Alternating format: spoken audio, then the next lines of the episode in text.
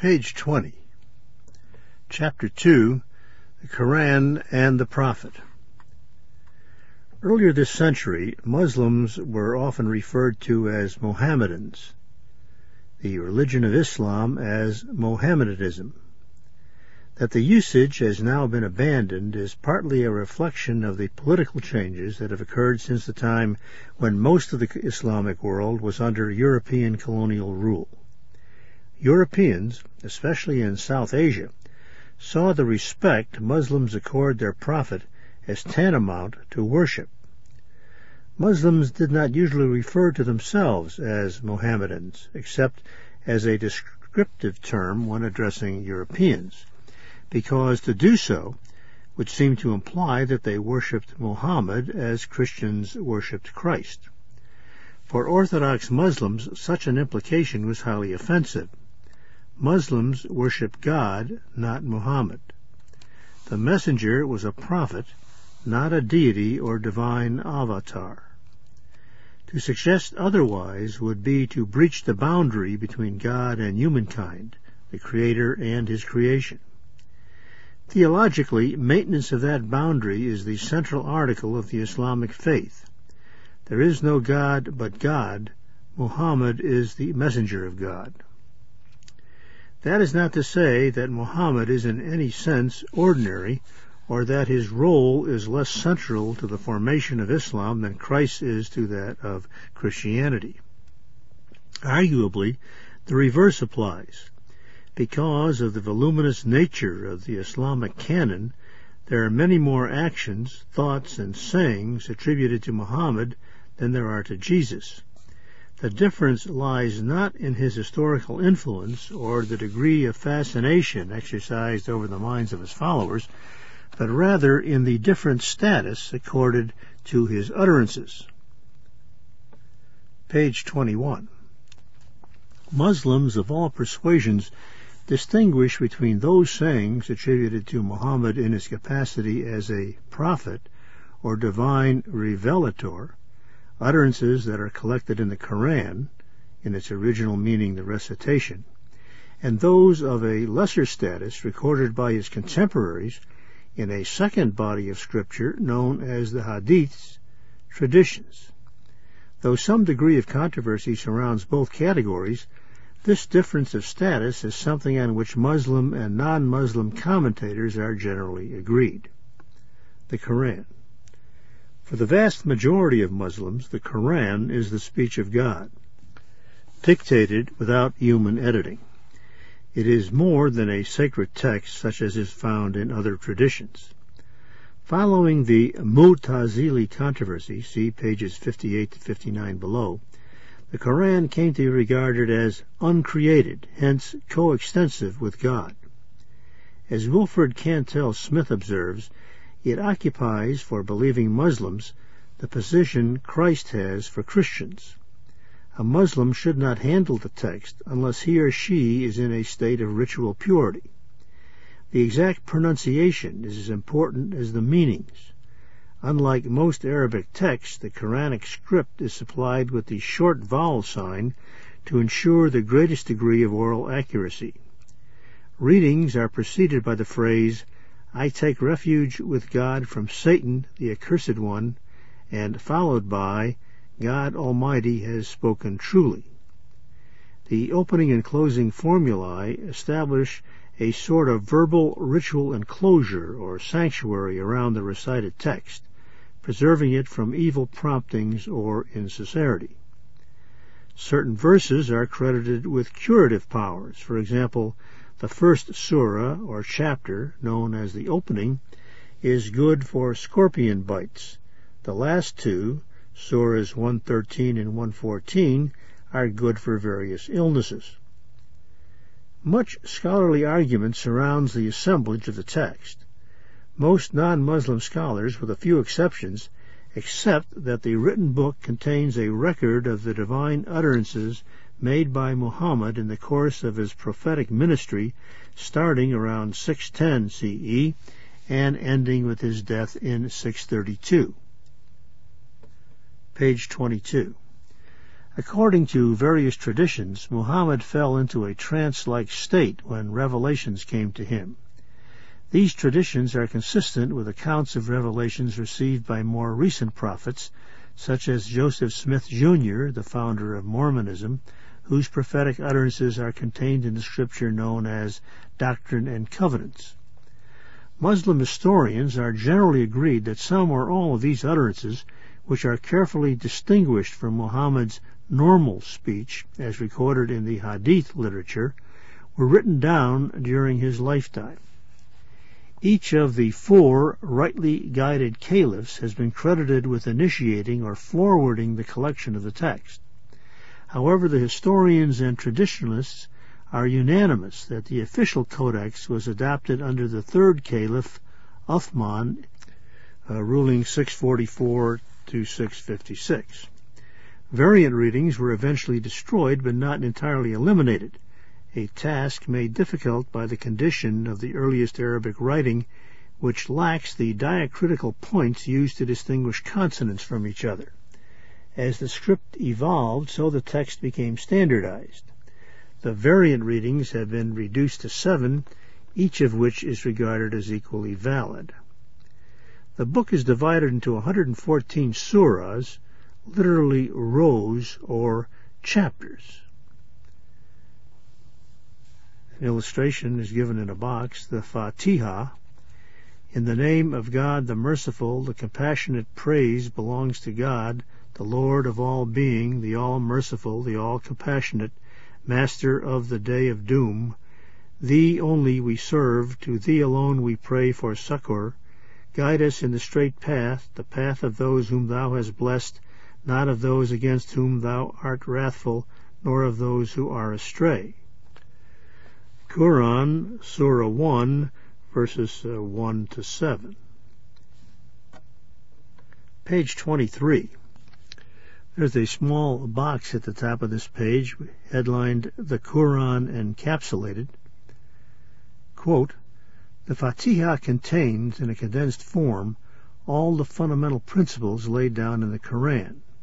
The principle of God's oneness and uniqueness, of his being the originator and fosterer of the universe, the fount of all life-giving grace, the one to whom man is ultimately responsible, the only power that can really guide and help, the call to righteous action in the life of this world, ellipsis, the principle of life after death and of the organic consequences of man's action and behavior, ellipsis, the principle of guidance through God's message bearers, ellipsis, and, flowing from it, the principle of continuity of all religions, ellipsis, and finally, the need for voluntary self-surrender to the will of the Supreme Being and thus for worshipping Him alone. End quote. Muhammad Asad, The Message of the Quran, 1984, page 1. End of box. The book is organized into 14 surahs, literally rows or chapters, arranged approximately in order of length, with the shortest at the end and the longest near the beginning. The most important exception to this pattern is the first surah, the Fatiha, or opening, a seven-verse invocation repeated during the five prayers Muslims are required to perform every 24 hours. Sometimes called the mother of the book, the Fatiha is seen as the quintessence of Islam. It is in frequent use as a prayer. In the subsequent surahs, the same fundamental message is repeated, elaborated, amplified, and illustrated with stories using the repertoire of Judeo-Christian tradition with the addition of some distinctive Arabian elements. Adam and Noah, Abraham and Joseph, Moses and Jesus appear along with the Arabian prophets and sages, unknown to the Bible, Hud, Salih, and Luqman. The theology is an absolute and uncompromising monotheism. As in the Old Testament, the prophets are sent to warn people against straying from the path of righteousness by worshiping false gods. Particularly heinous is the sin of shirk or associationism, by which God's majesty is compromised through contamination, as it were, by lesser deities. Page 24 and page 25. God's will, majesty, and creative power are continually stressed and celebrated. Allah, the Arabic word for God, includes the definite article. It means literally the God. Rather than speculating fruitlessly about his attributes, humans are urged to acknowledge his presence and obey the moral laws and commands deemed to have been revealed to them through successive messengers or prophets. The last of these is Muhammad. God is both transcendent and immanent, the Lord of creation and one who is nearer to an individual than his jugular vein. That it is God rather than Muhammad who speaks in the Koran is evident from the way many of the utterances are prefixed by the imperative say addressed to Muhammad. God refers to himself in the first person singular and plural, but the prophet is also addressed, apparently by the book itself, and told about God as a third person. Many of these passages are clearer if they are understood to be spoken by angels or by the angel Gabriel. This is especially the case in passages occurring near the beginning of the book, but considered to belong to the later Medinese period of Muhammad's ministry, passages containing detailed prescriptions about marriage, inheritance, and punishment that represent the primary source of Islamic law. There is a copy of a uh, of a page of a book on page 25 which carries this caption 3. A page from the Quran, an example of Nashki script. The text is Surat al-Nas, Surah 114. Quote, Say, I take refuge with the Lord of men, the King of men, the God of men, from the evil of the slinking whisperer who whispers in the breasts of men, of jinn and men. End quote. End caption. The uh, page shows a, page from the Quran in that script. End illustration return to the text. What the Quran lacks for the reader familiar with the Bible or Hindu epics is a coherent narrative structure. Although there are some individual narratives, notably stories of the prophets, including the so-called punishment stories detailing the direful fates meted out to those who reject God's messengers, the historical discourses are linked thematically rather than chronologically. The biblical narratives addressed to Christians and Jews are presented as reminders and reaffirmations of previous revelations, not as new revelations. Important differences of doctrine, however, emerge in these narratives. The most significant theological difference in terms of the historical development of Islam is the treatment of the fall. Page 26. Satan is punished for his refusal to bow down before Adam. And though Adam sins, as in the biblical story, by eating of the forbidden fruit, he repents and is soon restored to favor as God's deputy or vice regent, Khalifa, the first prophet in the line of prophets that culminates in Muhammad. There is no doctrine of original sin here, no idea of vicarious atonement. Where there is no original sin, there is no Redeemer. The Quranic Jesus is a prophet born of a virgin, but he is not the deity incarnate. Where there is neither incarnation nor Redeemer, there can be no church, no bride, nor mystical body of God.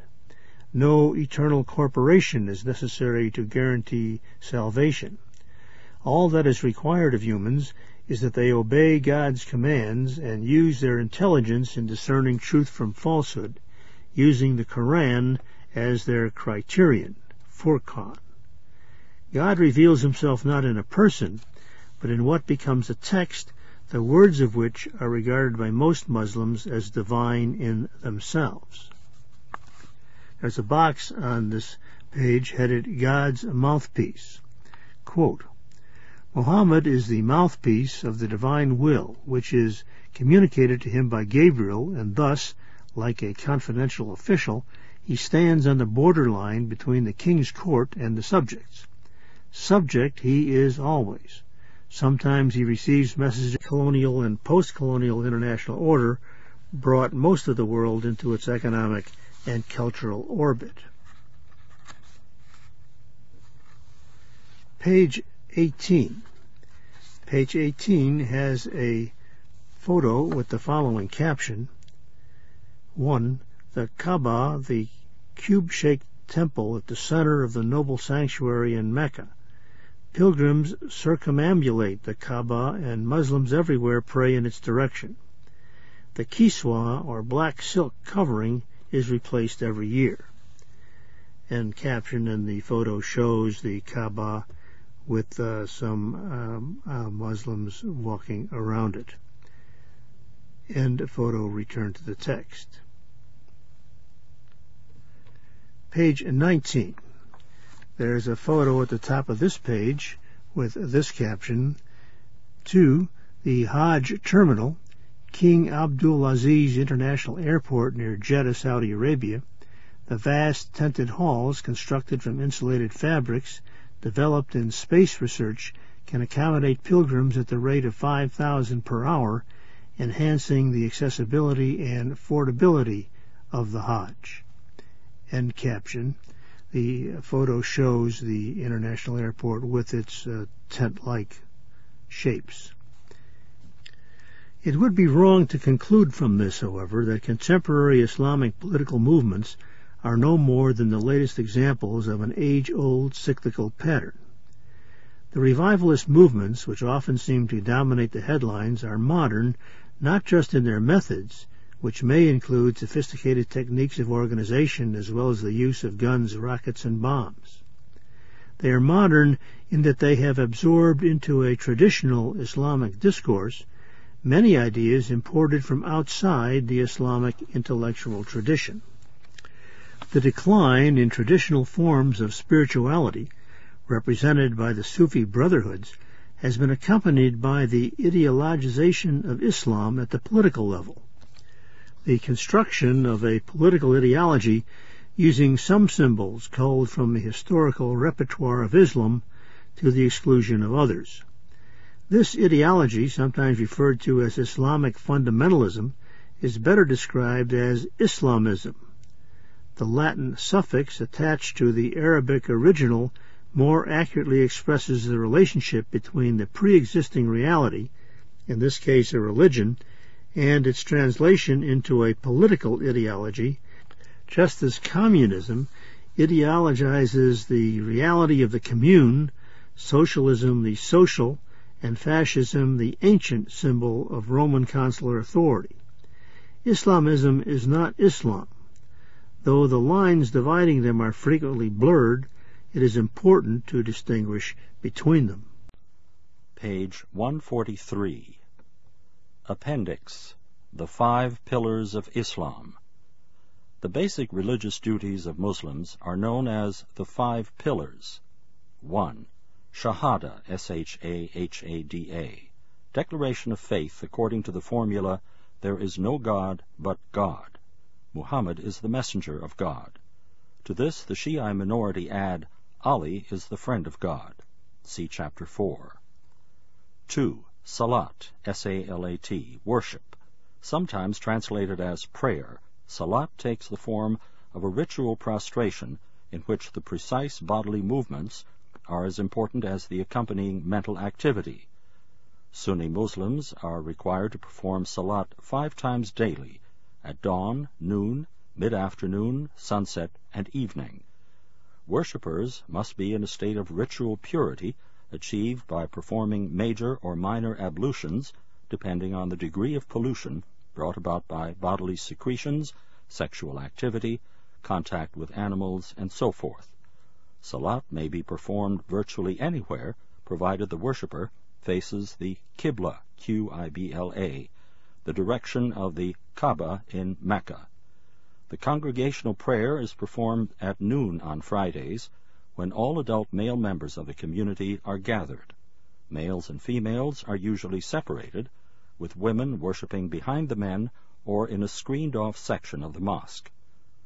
A sermon is usually delivered by the imam or prayer leader. Under the Islamic government of Iran, Friday sermons delivered by religious leaders, who are also major political players, are often the occasions of major policy pronouncements. Page 144. The material on this page is in a box. At the bottom of the page, we learn that it is an extract from Instructions on Observing the Fast of Ramadan by Muhi al-Din al-Nawawi, died 1277, a faqih, F-A-Q-I-H, of the school of Shafi'i, capital S-H-A-F-I-I. The Niceties of Fasting. Quote, the fast of Ramadan becomes obligatory when thirty days of the preceding month, Shaban, are passed, or with the seeing of the new moon of Ramadan. This seeing is established with the testimony of one trustworthy witness, or, as some say, two. If one witness is accepted, it is a condition that he must have the quality of veracity, and thus be neither a slave nor a woman. Ellipsis. To fast, one must rigorously avoid coition, vomiting, ellipsis, or introducing any substance to the interior of the body. Some make it a condition that there be in the body power to absorb the food or the medicine thus introduced. It does not matter if the interior is inside the head or the belly or the intestines or the bladder. All can break the fast with the introduction of a substance by sniffing or eating or injection, or through incision into the belly or the head, or the like. According to the soundest opinion, putting drops in the nose of the urethra breaks the fast. It is necessary, however, for such an introduction to be by an open passage. Thus there is no harm in oils entering the pores by absorption, or when kohl, K-O-H-L, antimony, is used, and its taste is afterward perceived in the throat. The introduction must be intended so that if a fly or gnat or dust of the road or flower dust entered by accident, the fast would not be broken. It would also not be broken if one swallowed saliva carelessly. But the fast is broken if saliva leaves the mouth and one brings it back into the mouth, or if one moistens a thread in one's mouth and then puts it back in one's mouth still moist, or if one swallows saliva in which a foreign substance or something unclean is mixed. End, End of extract from Instructions on Observing the Fast of Ramadan by Muhi al-Din al-Nawawi, died 1277, a faqih of the school of Shafi'i. Return to text. Page 145. 3. Zakat, Z-A-K-A-T.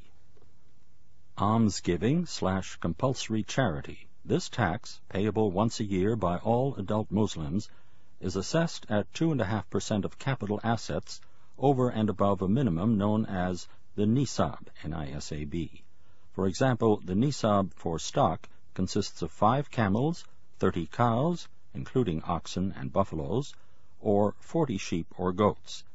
Zakat is payable on bank deposits, precious metals, merchandise used in trade, but not personal possessions such as cars, clothing, houses, and jewelry, livestock, and crops from tilled land.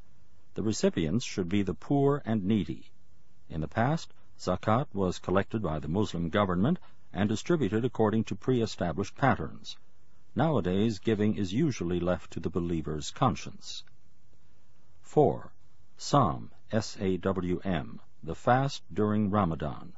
The fast which takes place during daylight hours in the holy month of Ramadan, the ninth month of the lunar calendar, applies to eating, drinking, smoking, and sexual activity. The fast begins at dawn and ends at sunset. In Muslim countries such as Egypt, the breaking of the fast at sundown is an occasion for joyful celebration, with tables laid out in the streets and feasting that carries on well into the night. A pre-fast meal is usually served before dawn. Ramadan is traditionally an occasion for both family get-togethers and religious reflection. It is considered especially meritorious to recite the whole of the Quran during the sacred month. According to tradition, the Quran came down on the 27 Ramadan, the night of power. Page 146. On this page is a box titled The Benefits of Hunger. The Imam al-Ghazali's famous spiritual manual, The Revival of the Religious Sciences, Ihya Ulum al-Din, offers a less legalistic view of fasting, emphasizing its spiritual and social virtues. Quote, Hunger has ten benefits. The first is the purification of the heart, the illumination of the natural disposition and the sharpening of one's insight. For satiety engenders stupidity and a blindness in the heart, and increases the vapors of the brain to produce a form of inebriation, so that the sources of thought are repressed, and the heart finds it a burdensome thing to think and to perceive things with any rapidity. Ellipsis. The second benefit is softness and purity of the heart, by which it is ready to attain the delight of intimate discourse with God, and to be affected by his remembrance. Ellipsis. The third benefit lies in mortification and abasement, and the removal of exultation, rejoicing, and exuberance, which comprises the beginning of rebellion and heedlessness of God.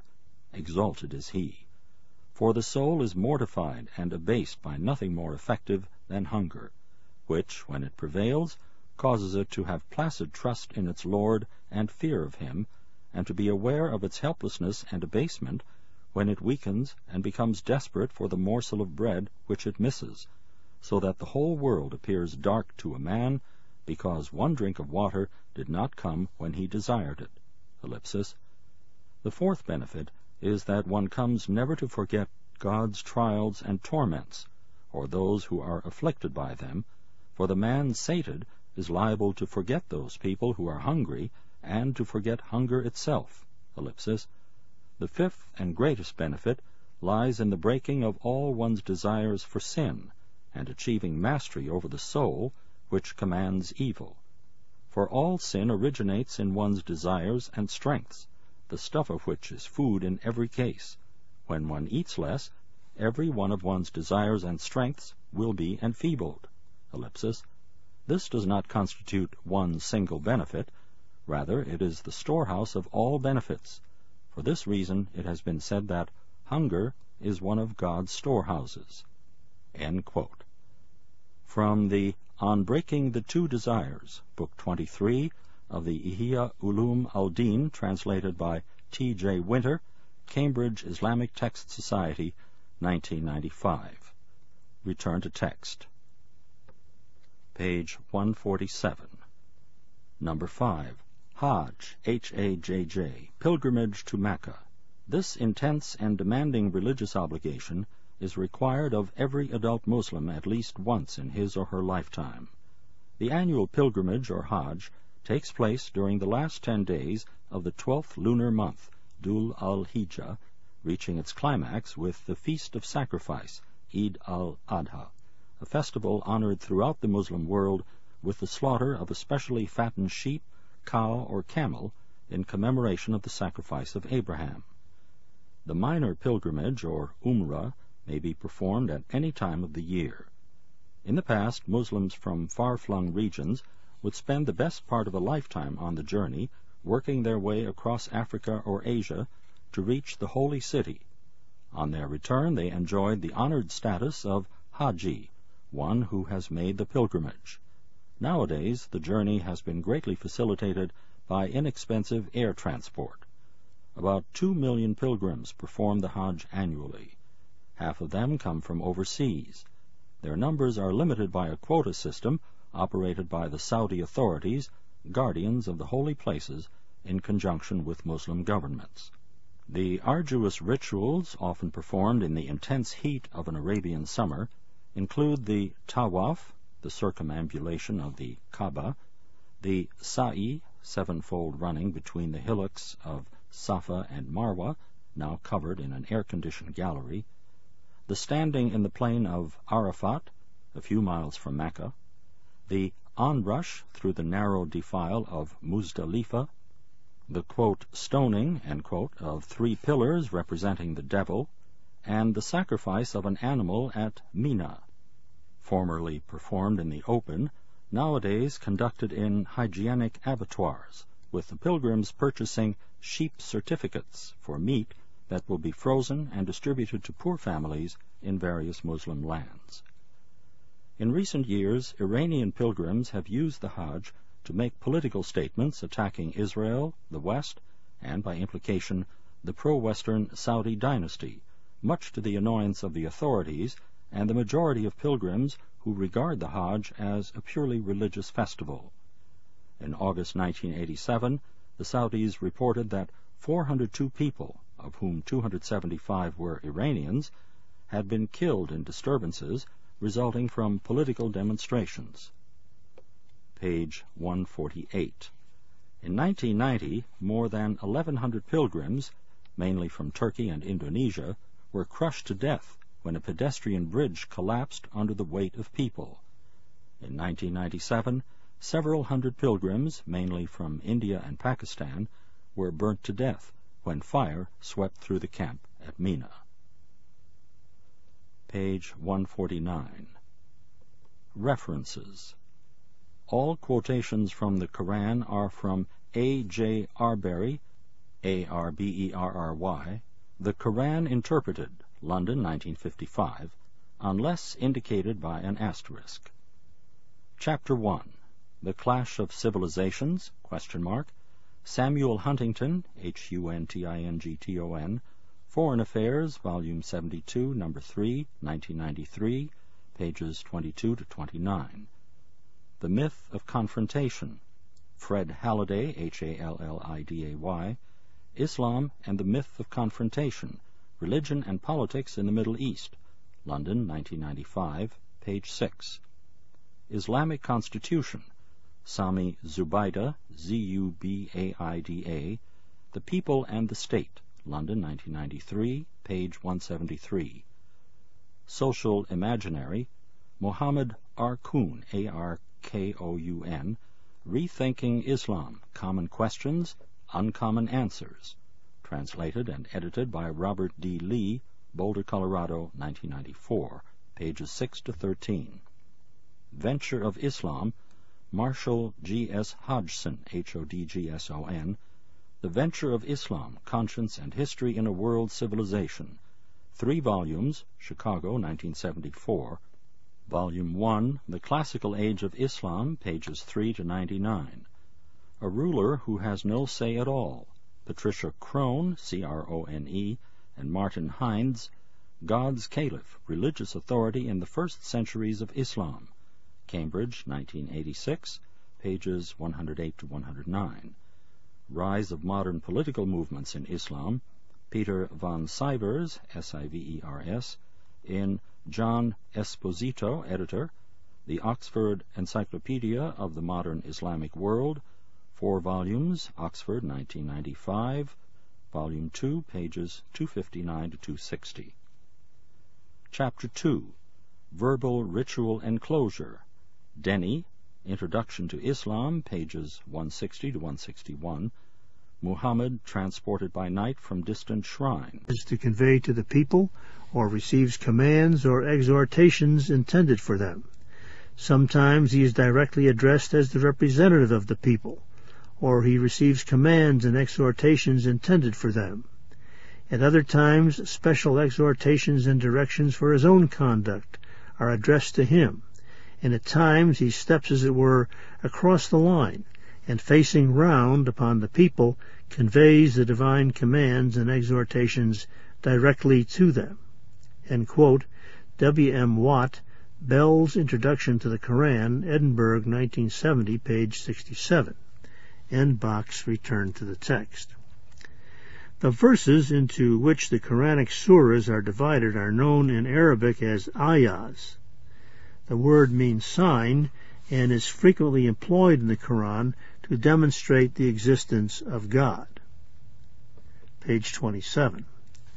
These signs, as well as referring to divine locutions, point to the evidences of God in nature.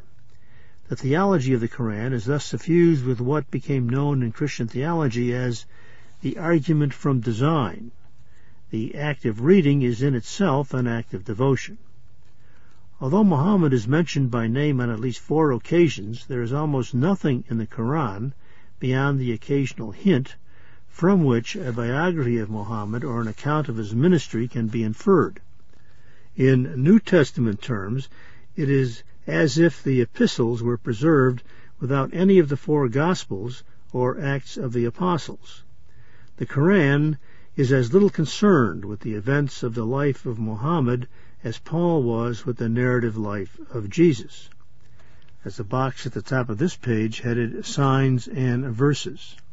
Quote, each ayah of the Koran is also a sign, in the symbolic or semiotic sense, that points to another level of reality that in turn reaffirms the message of revelation.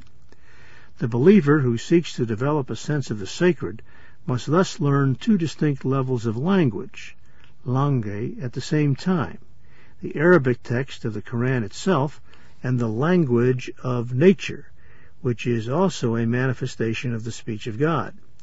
God created the world as a book, his revelations descended to earth and were compiled into a book, therefore the human being must learn to read the world as a book. Vincent J. Cornell, in John L. Esposito, editor, Oxford Encyclopedia of the Modern Islamic World, New York, 1995, volume Roman numeral 3, page 388. End box return to the text.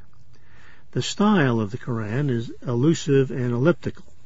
It is addressed to people already familiar with much of the material it contains. Far from being self-explanatory, it can only be understood by reference to material outside itself. Page 28. The very difficulties it presents as a historical source are a strong prima facie case for its authenticity. A work that had been subjected to any kind of redaction would surely show more signs of narrative coherence. One has the impression that Muhammad's words those articulated in the prophetic mode when he is supposed to have been possessed by the angel of God, were regarded from the start as holy artifacts, distinct from his other utterances and worthy to be recorded and stored like sacred relics. Unlike the books of the Old and New Testaments, the Koran suggests itself as unedited raw material. The narrative context in which it occurred, the career of Muhammad, was something that had to be reconstructed in order to approach its multiple meanings. Here, even to the skeptic, chronology conforms to theology. Just as God's speech, as delivered by the angel, enjoys a higher ontological status than the speeches of the prophet recorded in the Hadith literature, so the prophet's life appears after the testimony of the book. Far from Muhammad being the author of the Koran, the Koran is, in a literary historical sense, the author of Muhammad. Sirah, biography. Muhammad the Prophet has achieved such eminence as a world historical figure that it is difficult to conceive of him as having lived out his life in a cultural milieu without historical records, where history is wrapped in myth and historical facts are virtually out of reach. The events of his life, carefully reconstructed from hints and allusions in the Koran and from the oral testimonies of his companions and their successors, were written down more than a century after his death in dramatically different circumstances from those in which his life was lived. By then, the victorious Arab tribes, under the banner of Islam, had broken out of the Arabian Peninsula and conquered much of the civilized world, including Egypt, Palestine, Syria, Mesopotamia, and the highlands of Persia. Much more sophisticated cultures, Zoroastrian, Christian, and Jewish, had come under Arab domination. Factional feuding had broken out between the tribes while the new cult of Allah and his Arabian prophet faced criticism from the trained theological minds of the older religions. Page 29. The earliest lives of the prophet that have come down to us are both exegetical and apologetic in purpose. They serve to explain the occasions of revelation, the particular circumstances in the prophet's life when a verse or passage of the Koran came down. Their treatment of events may be influenced by hindsight or by a retrospective coloring designed to bolster the claims of one of the factions competing for power. They contain a good deal of material of a rhetorical, formulaic, or supernatural character designed to bolster the chosen one's claims to prophethood in the face of skeptical or prejudiced critics. The lapse of time before the first written sources is considerable. The first biography we have is by Ibn Ishaq, who died in 767 CE, 135 years after the death of Muhammad. The version which has come down to us was extracted from a much longer work, probably a world history, by Ibn Hisham, died 833. Other early biographers include al-Waqidi, died 823, and Ibn Sa'ad, died 845. The annalist Tabari, died 923, relates material, including the famous satanic verses episode not found in other sources. The century or more of oral transmission between the life and death of Muhammad and the first biographies make factual certainty impossible. What can be said with much more confidence is that the authority of the Koran and of Muhammad became of paramount importance in the disputes and debates that followed the Arab conquest of the Fertile Crescent. The material that found its way into the biographies appears to have been collected according to the same methodology that governed the hadiths or traditions, the second tier after the Koran, of the Muslim canon. The men who collected this material may have been as scrupulous in winnowing out reliable from unreliable traditions as circumstances allowed, see below. Modern critical scholarship, however, is bound to question this methodology. Generally, Muslim scholars are less critical, though not universally so. Page 30. The following account provides the barest essentials of a biography that would be elaborated over time to encompass the vast range of the exemplary anecdotes forming the raw material of Islamic law. Muhammad was born around 570 in the Christian era in Makkah, the site of an ancient sanctuary, one of several hatas or shrines in the region where the warring tribesmen would suspend hostilities during the months of pilgrimage and perform various rituals. Non-Muslims believe the rituals to have included fertility cults, such as rainmaking, which are found in numerous cultures. Muslim tradition holds that the square temple at the center of the shrine, the Kaaba, was built by Abraham, Ibrahim, near the place of sacrifice.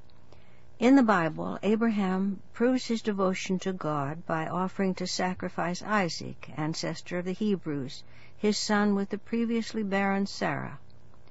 In the Islamic version, the would-be victim is Ismail or Ismail, Abraham's son with the bondwoman Hagar, who lived to become ancestor of the Arabs. The sacrifice is commemorated all over the Muslim world at the Id al-Adha, or sacrifice feast of sacrifice, which comes at the climax of the Hajj, or greater pilgrimage, when hundreds of thousands of pilgrims flock to the sanctuary to perform the reformed or depaganized rituals instituted by the Prophet during the final year of his life.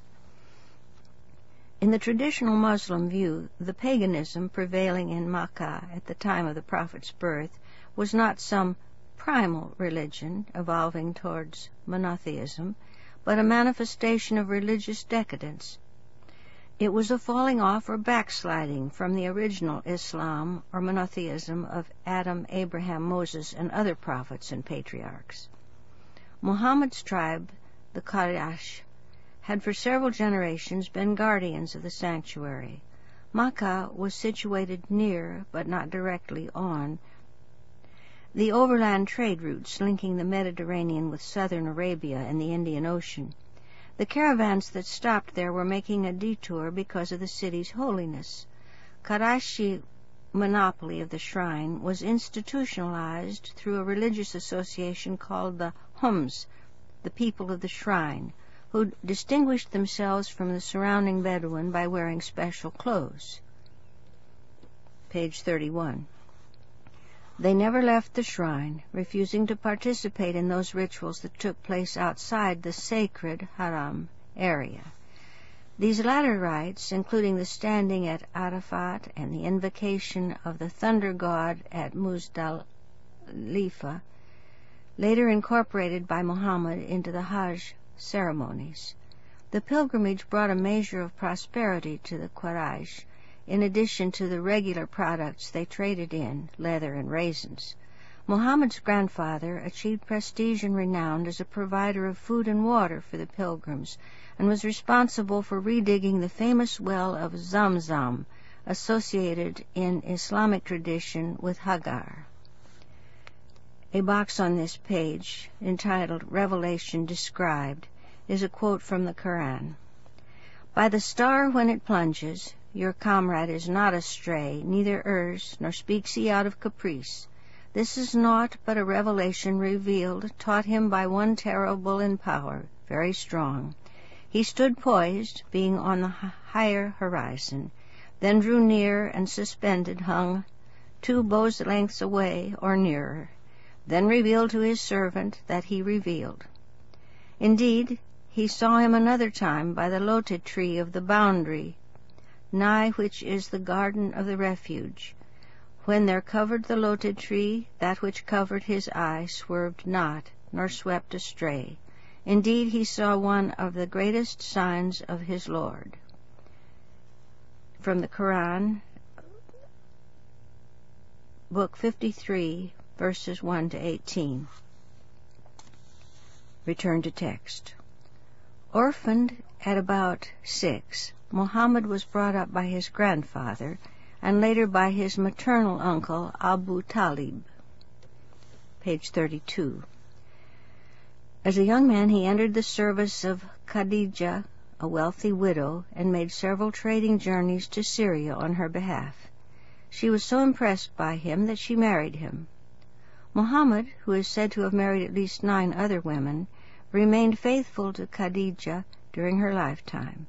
Despite her comparatively advanced age of forty, she is supposed to have borne him seven children, including three sons who died in infancy. At the age of about forty, Muhammad began undertaking regular retreats to a cave near Mount Hira outside Makkah. Scholars are divided as to whether the religious practices he adopted, including an annual retreat or tahannuth during the month of Ramadan, were part of the existing pagan culture, or whether he may have adopted the pious practices of Christian anchorites he met on his travels in Syria. By general consent, however, it was after a period of meditation that he received his first revelation. The awesome nature of the experience is captured in the 53rd surah of the Koran, 1 to 18. Tradition, basing itself on surahs revealed during the Medinese period, would identify the one terrible in power as the angel Gabriel. Two Western scholars, however, Richard Bell and W. Montgomery Watt, argue that in these verses Muhammad believed himself to have been in the presence to of God himself, like Moses on Mount Sinai. A third visionary experience, also alluded to in one of the Quran's Makkan surahs, is said to have occurred after Khadijah's death, when Muhammad was transported by night, quote, from the sacred shrine to the distant shrine. Surah 17, verse 1. Page 91. Chapter 5 Women and Family Introduction no subject is more fraught with controversy than the relation of women and Islam. On one side of the debate there exists the widespread perception that the faith oppresses and even persecutes women. At the other, there are arguments about cultural authenticity, about the rights of women to assert themselves in ways that differ from the modes of female self-assertion current in non-Muslim societies. The issue is complicated by the interaction of history, religion, culture, and politics. Historically, the patriarchal family and the extended networks of kinship connected with it have proved to be among the most durable social structures in Muslim societies, far more durable than structures built around professional association or class interest. The role of religion in sustaining these structures is not entirely clear. Islamic law privileges the family over other institutions.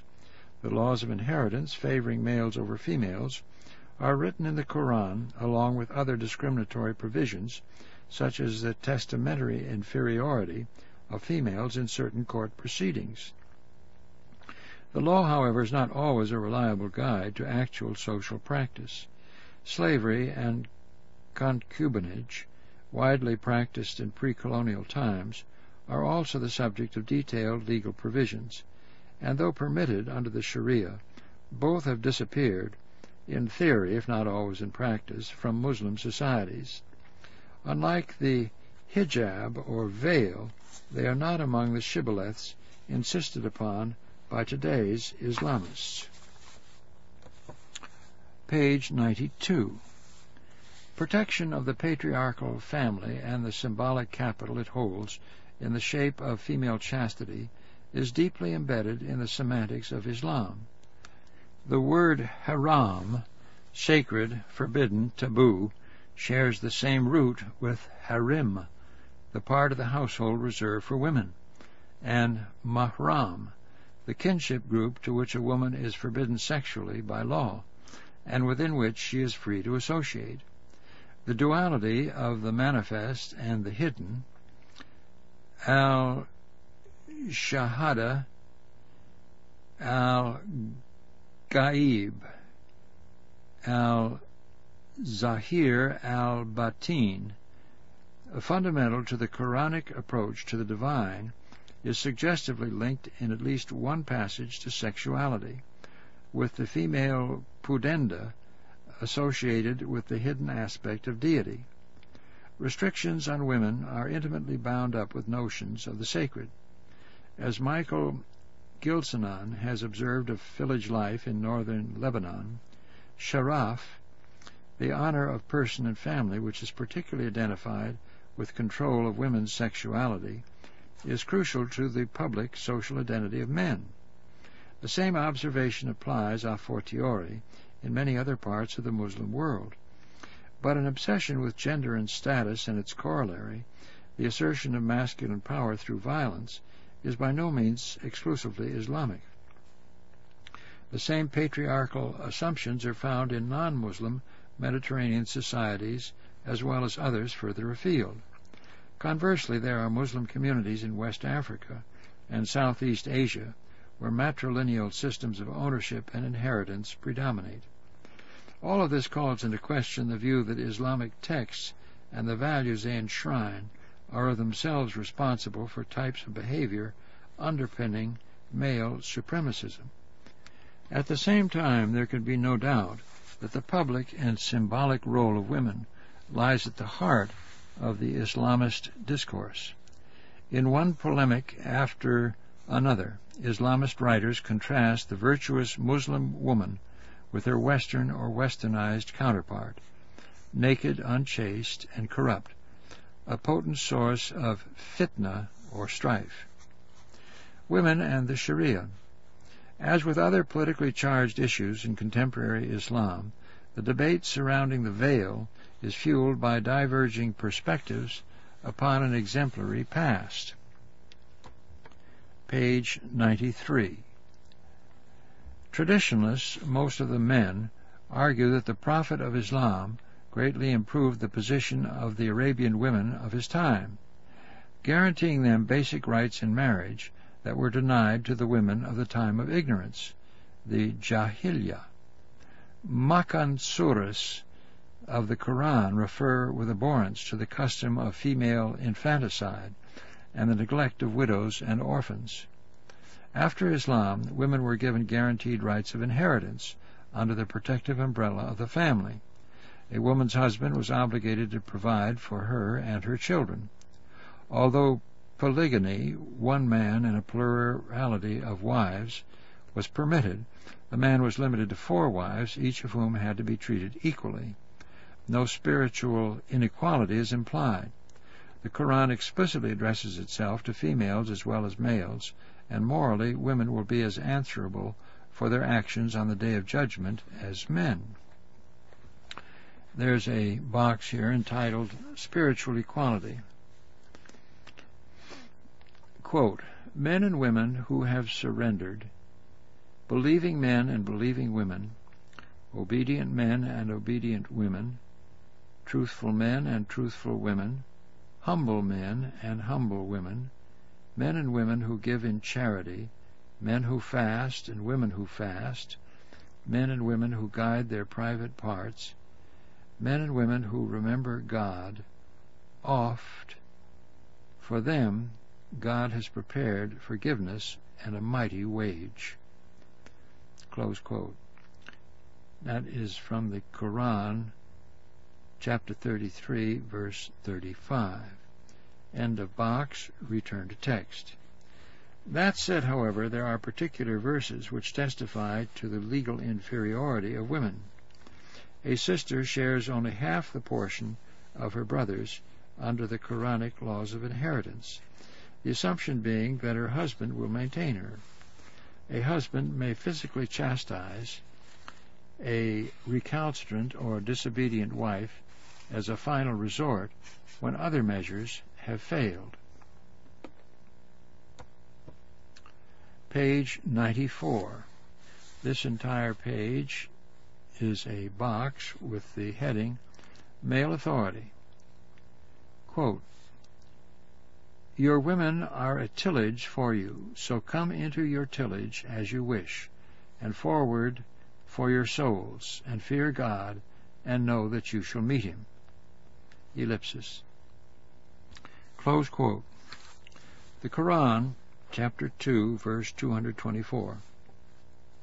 Quote, Men are the managers of the affairs of women, for that God has preferred in bounty one of them over another and for that they have expended of their property.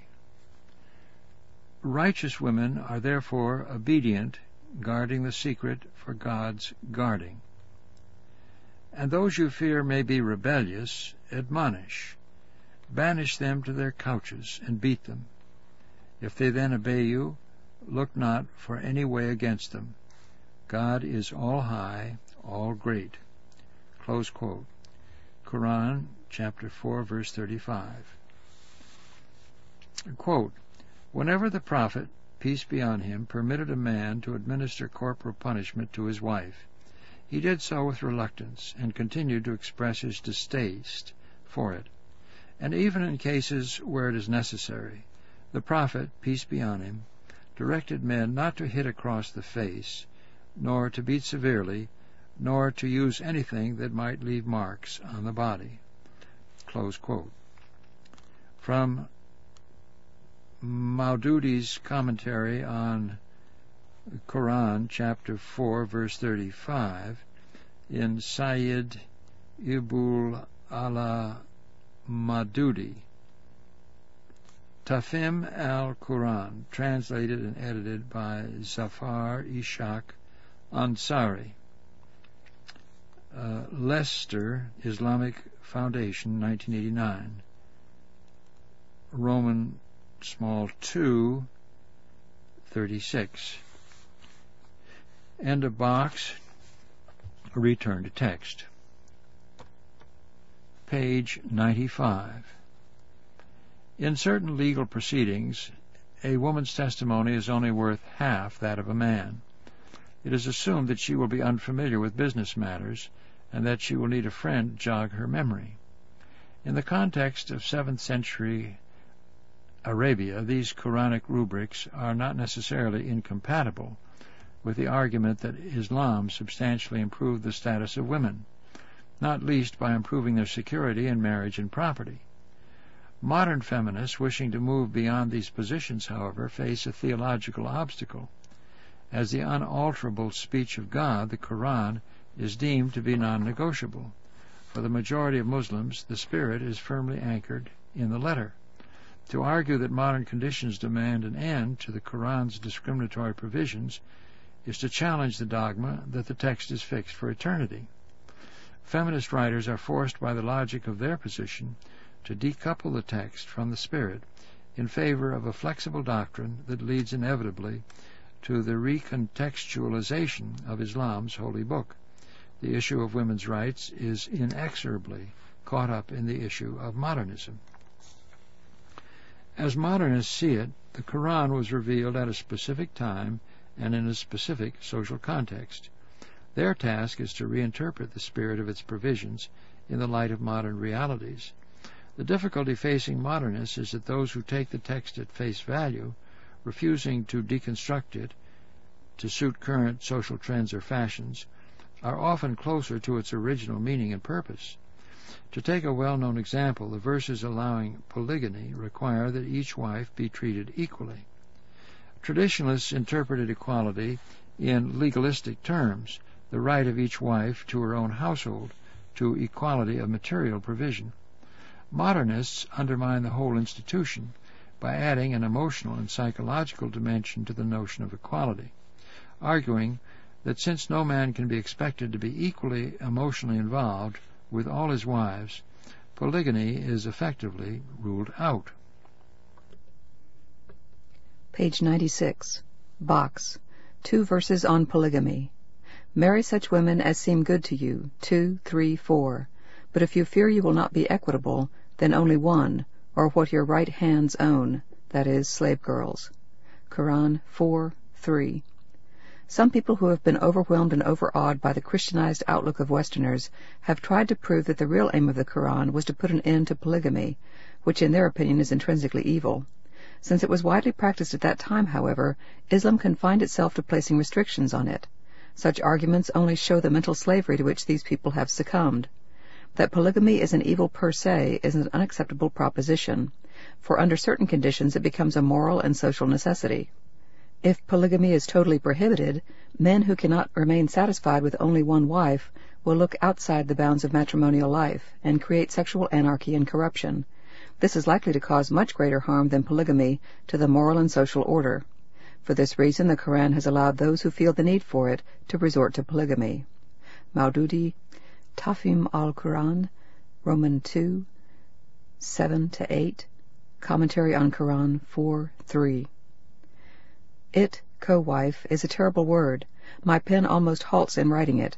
Women's mortal enemy, ellipsis. How many hearts has it broken? How many minds has it confused and homes destroyed? How much evil brought and how many innocents sacrificed and prisoners taken, for whom it was the origin of personal calamity? Ellipsis. It is a terrible word laden with savagery and selfishness. Ellipsis. Bear in mind that as you amuse yourself with your new bride, you cause another's despair to flow in tears page 97. Ellipsis. And children whom you taught to sorrow weep for her tears. Ellipsis. You hear the drums and pipes at a wedding, and they hear only the beat of misery. Malak Hifni Nasef, 1886 to 1918. Quoted in Leila Ahmed, Women and Gender in Islam. Historical Roots of a Modern Debate. New Haven, Yale United Press, 1992, 182. Return to text. Similar arguments are deployed by modernists to rationalize the draconian punishments against unfaithful wives or individuals accused of illicit sexual activity, zina. Under the strict Quranic rules of evidence, the crime of zina must be attested by four independent adult male witnesses to the act itself. Since in the nature of things such a provision is almost impossible to satisfy, according to this argument sexual propriety is satisfied in principle, while intrusive social censoriousness is avoided. Thus Leila Badawi draws attention to legal interpretations that appear liberal by pre-modern standards. In the case of a deserted or widowed woman who becomes pregnant, she may be protected by the legal fiction, hila, of the sleeping fetus, according to which a pregnancy can be accepted as lasting five or even seven years, while the child remains the legal heir of the dead or absent husband. An unmarried woman who becomes pregnant can resort to the fiction of the public bath. Baths were traditionally open on alternating days or hours for men and women, and a virgin, it was claimed, who visited the public baths after the menagist vacated them might inadvertently sit on a pool of semen, thereby making herself pregnant. If theory is sometimes harsher than practice in upholding marital fidelity, the converse can apply with regard to inheritance. In many Muslim lands, women have been systematically denied their inheritance rights under Islamic law, either by family pressures or by legal devices, such as the family waqf, or trust marriage between first cousins, permitted under Islamic law, is often converted into a positive injunction, with girls obliged to marry their first cousins. Page 98. The aim of such customs has been to keep property in the patriarchal family, countering the distributive effects of the laws of inheritance, which allow women to inherit a portion of their parents' wealth. Box. Future. But for all the anxieties about a future clash of civilizations, it seems unlikely to effect a significant external political change. As Roy predicts, the practical effects of Islamization entails not a confrontation with the West, but rather a cultural retreat into the mosque and private family space.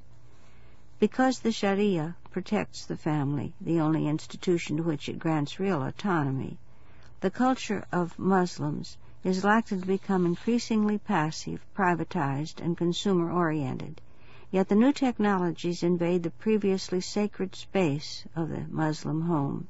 It's impossible to censor satellite dishes, videos, faxes, email, or access to the Internet, except in small, highly urbanized areas.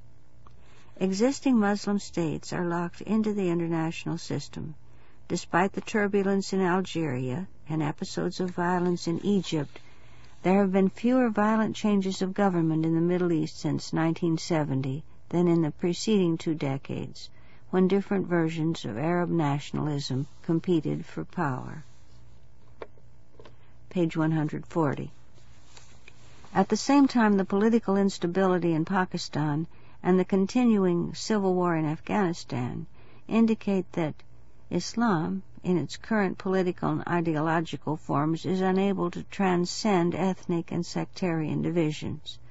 The territorial state, though never formally sanctified by Islamic tradition, is proving highly resilient, not least because of the support it receives militarily and economically through the international system. For all the protests by Islamist movements that Saddam Hussein's invasion of Kuwait in August 1990 was a Muslim affair.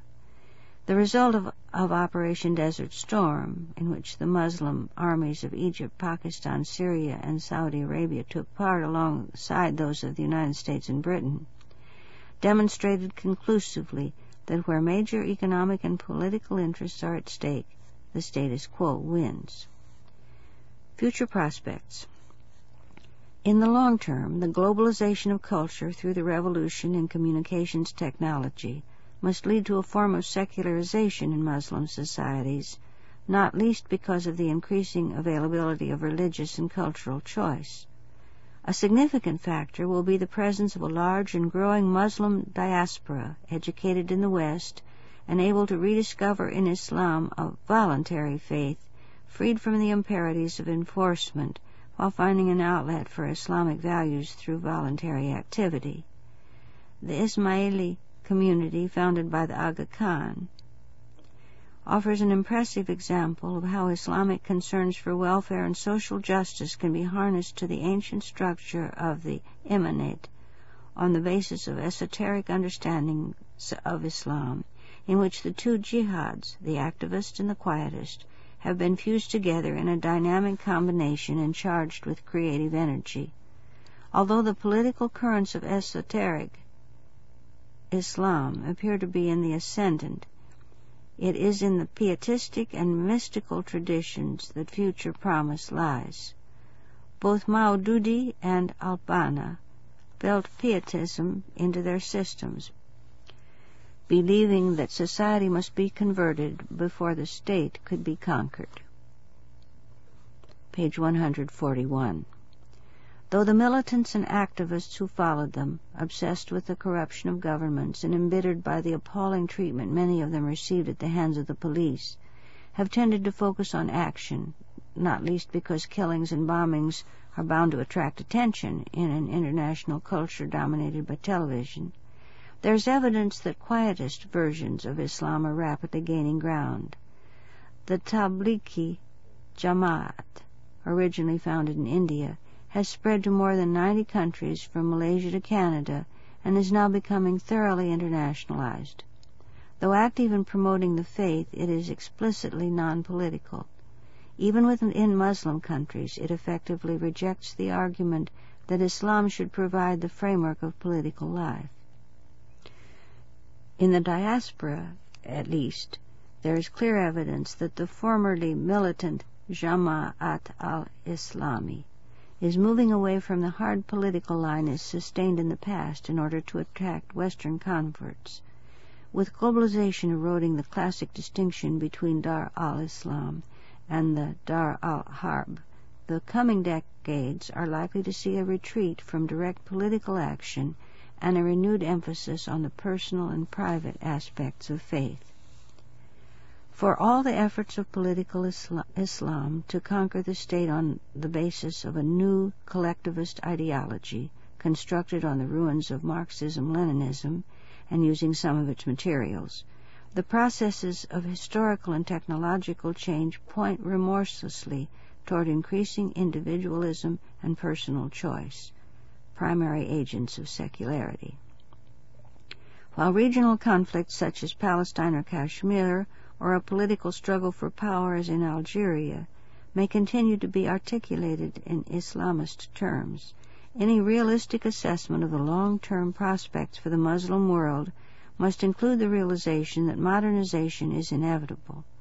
In the long term, modernization is a global process that need no longer be predicated on Western cultural hegemony. The Enlightenment has come to stay and everybody is demanding its fruits in terms of the material benefits it offers. The problem of disentangling what is universally modern from what is culturally specific to any one tradition, whether Islamic or Christian, Hindu, Buddhist, or Confucian, is far from simple. Page 142. It is being addressed, among others, by such progressive Muslim intellectuals as Muhammad Arkoun and Hassan Hanafi. It is my own belief that despite historical differences in the relations between the state and civil society, the Muslim world will develop along the lines previously traveled by the post-Christian West. For all the protestations to the contrary, the faith will be internalized, becoming private and voluntary. In an era when individuals are ever less bound by ties of kinship and increasingly exposed to urban ennui, Muslim souls are likely to find the Sufi path of inner exploration and voluntary association more rewarding than revolutionary politics. Sadly, more blood may be expected to be spilt along the way. Page 1. Chapter 1 Islam, Muslims, and Islamism. Open almost any newspaper, turn on the radio or television, and there will be stories about Islam. Many of these stories will be accompanied by images of violence, as in Kashmir, Bosnia, Algeria, or Palestine. The vision of Islam emerging from newspapers and television screens is often that of a hard, uncompromising faith whose adherents will resort to violence in defense of their principles or in order to impose their will on others. Yet for those more familiar with Muslims and their traditions, the image of militant Islam lies at odds with a faith that most of its adherents, who number perhaps a billion worldwide, would regard as no less pacific in temper than Buddhism or Christianity. The word Islam in Arabic means self-surrender. It is closely related, etymologically, to salam, the word for peace. The universal greeting with which Muslims address each other and foreigners is As-salam alaikum, peace be upon you. The image of militancy in the eyes of many Muslims is a distortion by the Western media. There are solid grounds for this view. In an age of sound bites and newspaper agendas driven by tabloid headlines, the lives and values of peace-loving majorities are inevitably obscured by the attention-seeking acts of the noisy minorities. The news media act like a distorting mirror at a fairground, exaggerating the militancy of the few while minimizing the quietism or indifference of the many. Page 2. These are not merely abstract reflections. The cumulative effect of distorted public perceptions feeds into the policy-making process. Samuel Huntington, an influential Harvard professor, states that Islam has bloody borders. He predicts a clash of civilizations between Islam, the West, and a revitalized Confucian China as the most likely scenario of global conflict following the collapse of Marxism-Leninism. His sentiments are often reciprocated. The word gharb, G-H-A-R-B, in Arabic and other Muslim languages, as well as meaning west, shares the same root as gharib, G-H-A-R-I-B, meaning strange, outlandish, alien. Fueled by atavistic notions of each as the hostile other, motifs that stretch back to the Crusades, such predictions can all too easily become self-fulfilling. A policy of confrontation or containment, predicated on the notion that Islam constitutes a threat to the New World Order, could indeed strengthen those very political forces in the Islamic world that bark loudest in their hostility to the West. The myth of confrontation, writes Fred Halliday, a perceptive observer of international affairs, is sustained from two apparently contradictory sides, from the camp of those mainly in the West seeking to turn the Muslim world into another enemy, and from those within the Islamic countries who advocate confrontation with the non-Muslim, particularly Western world. Defining Islam is far from a simple matter.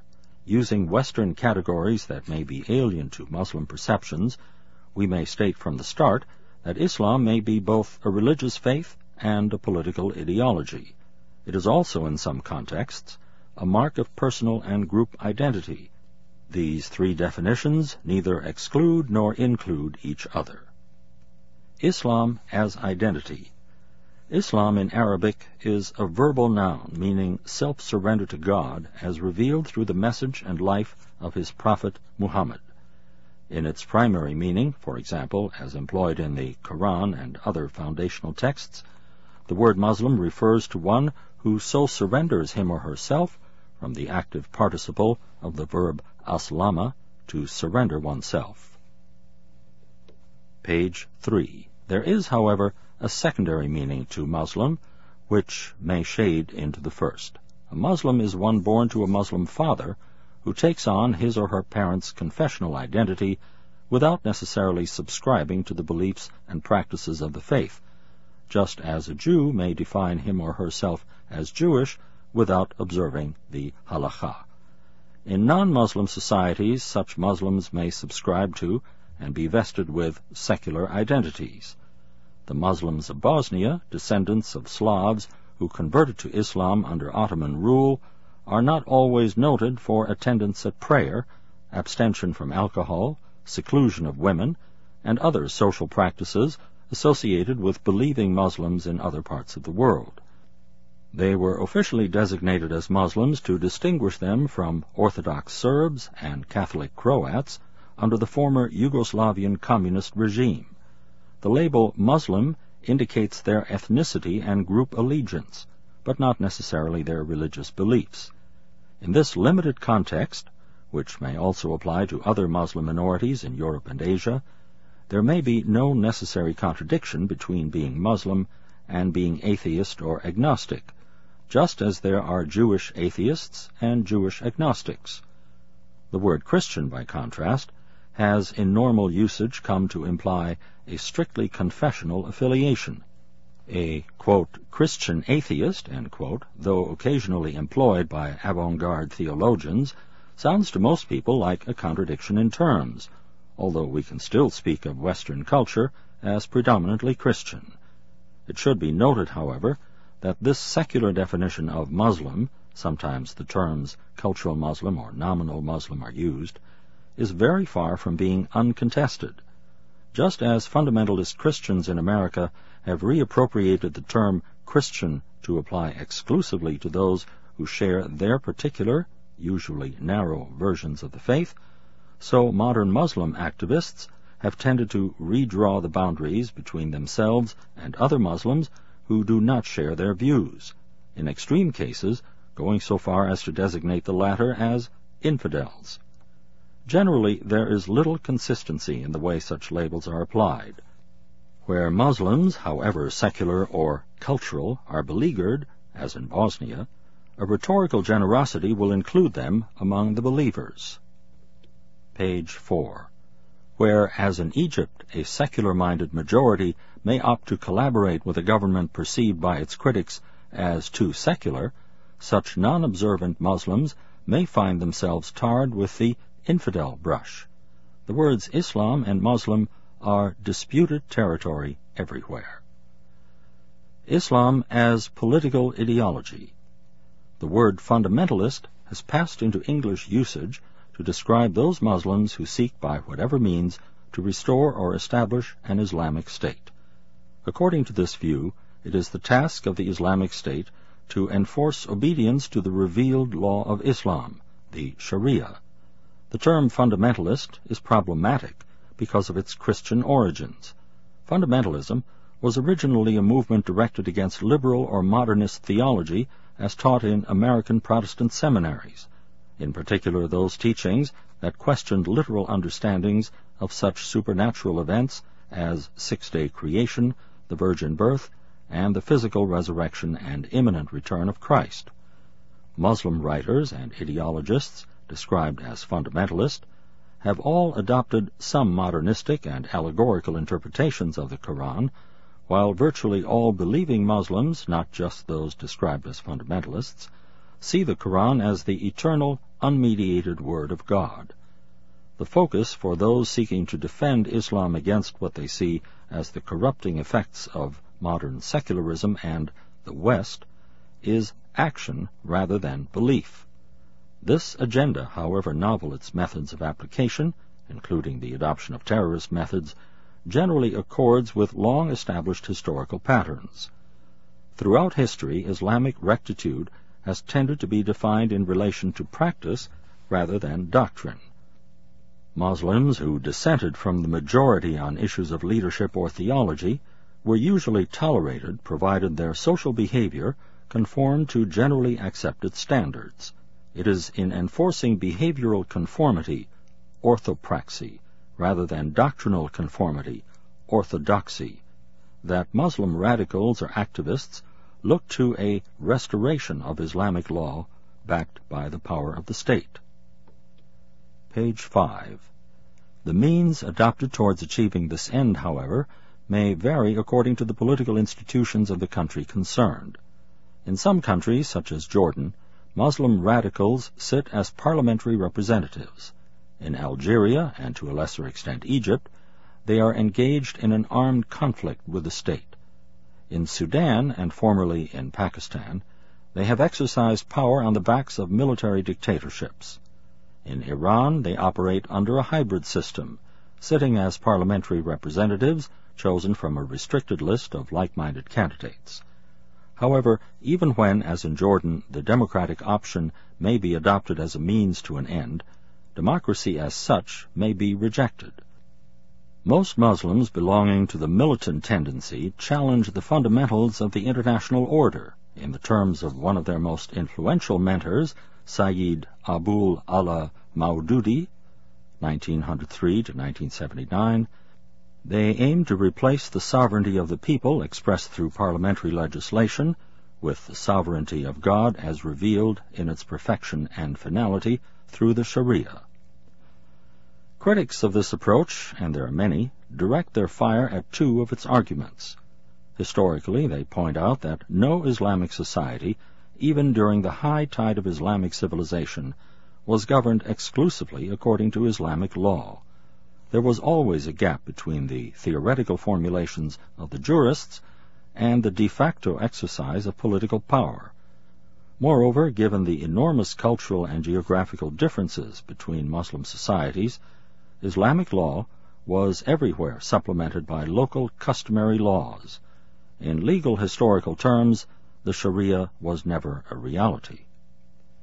The second, more damaging criticism directed at those who insist on politicizing Islam is misrepresentation. Far from being exclusively Islamic, the ideology or ideologies being advanced are really hybrids, mixing Islamic concepts with 20th century ideas, liberal and totalitarian. The founders of modern political Islam, Maududi, Sayyid Qutb, 1906 to 1966, and the Ayatollah Khomeini, 1902 to 1989, were profoundly influenced by the Western political and intellectual cultures they professed to oppose. Page 6. Thus, Maududi's critique of Western materialism and moral decadence was informed by fascist attacks on democracy and an admiration for the dictators of the 1930s. Qutb's call for action against barbarism, jahiliya, far from being based on traditional Islam, is thoroughly modern in its espousal of an existentialist, action-oriented commitment, while his claim that democracy and social justice have Islamic origins is considered by some to be spurious, based on an ahistorical reading of Islam's sacred texts. Even the virulent anti-Semitism he adopted in the wake of the Arab-Israeli conflict is partly imported, based on the uncritical adoption of European ideas. Likewise, the Islamic Constitution of Iran, introduced by Khomeini in 1979, is a mixture of Western and Islamic forms, not an Islamic constitution as such. Far from being subject to Islamic law, Khomeini made it clear that the Islamic State, as successor to the Prophet Muhammad, had the power to override Islamic law, even in such fundamentals of the faith as prayer, fasting, and pilgrimage. In the view of political Islam's numerous critics, Muslim and non-Muslim, Islam as religion should be distinguished from Islam as political ideology. To call the latter fundamentalism is not only misleading, it makes a gratuitous concession to the advocates of political Islam by implying that the defense of Islam's fundamentals invariably demands political action. Muslims who contest this view argue that so long as a government does not prevent the believer from carrying out his or her religious duties, it cannot be described as un- or anti-Islamic. Islam as faith. The classical authorities made a distinction between Islam as professed by the Muslim on the one hand and Iman or faith of the Mu'min believer on the other. In the original wars that united the Arabian Peninsula, see chapter 2, the self-surrender or submission to God, however sincere, occurred through the exterior agencies of the Prophet and his followers. Page 7. The Quran alludes to an incident when a group of Bedouin Arabs claim to have become believers and are told by God through the Prophet, You have not yet attained to faith you should rather say, We have outwardly surrendered, for true faith has not yet entered your hearts. Quran, chapter 49, verse 14. Asterisk. Page 107. Box. Family Values. The Muslim family is the miniature of the whole of Muslim society and its firm basis. In it, the man or father functions as the imam in accordance with the patriarchal nature of Islam. The religious responsibility of the family rests upon his shoulders. Ellipsis. In the family, the father upholds the tenets of the religion, and his authority symbolizes that of God in the world. The man is in fact respected in the family precisely because of the sacerdotal function that he fulfills. The rebellion of Muslim women in certain quarters of Islamic society came when men themselves ceased to fulfill their religious function and lost their virile and patriarchal character. By becoming themselves effeminate, they caused the ensuing reaction of revolt among certain women who no longer felt the authority of religion upon themselves. Syed Hossein Nasr, Ideals and Realities of Islam, London, George Allen and Unwin, 1966, reprinted 1975, 110. Return to text. Sartorial politics. Costume and physical appearance in pre-modern societies was never a matter of purely personal choice. In the West, until quite recently, dress was the primary external indicator of status, class, and trade. Dress codes still play an important part in many educational institutions, and uniforms are an essential component of the corporate identities many firms still impose on their employees. In Muslim societies, where specialist crafts and skills were often the preserve of particular ethnic groups, dress and physical appearance went together. Members of ethnic minorities, such as the Lurs of western Iran, who specialized as porters in Baghdad, for example, could be identified by a particular type of felt hat worn by men. The different Sufi orders were characterized by the style of their turbans and the folds of their gowns. Page 108. Reforming autocrats in the 19th and 20th centuries often attempted to eliminate local allegiances by insisting on standardized headgear. The best known example was the Ottoman fez, a red brimless felt hat worn by men, introduced in the 1820s in the teeth of religious opposition, only to become identified in the course of a century with Islamic rectitude. Where men were ordered to change their dress to conform to ideas of progress held by Muslim rulers, upper-class Muslim women tended to adopt European dress voluntarily by imitating the fashions imported from Europe. The exception was in Iran, where Reza Shah Pahlavi, an illiterate Cossack sergeant who rose to become the country's ruler in the 1920s, actually ordered his female subjects to remove their chadors, veils. Box. The Virtuous Woman. The morals and manners of the Muslim woman are quite different from those of non-Muslim women, and the women of the time of the Jahiliyyah. The Muslim woman is chaste, dignified, self-respecting, and modest, while the woman who is ignorant of the divine guidance may be vain, showy, and anxious to display her attractions.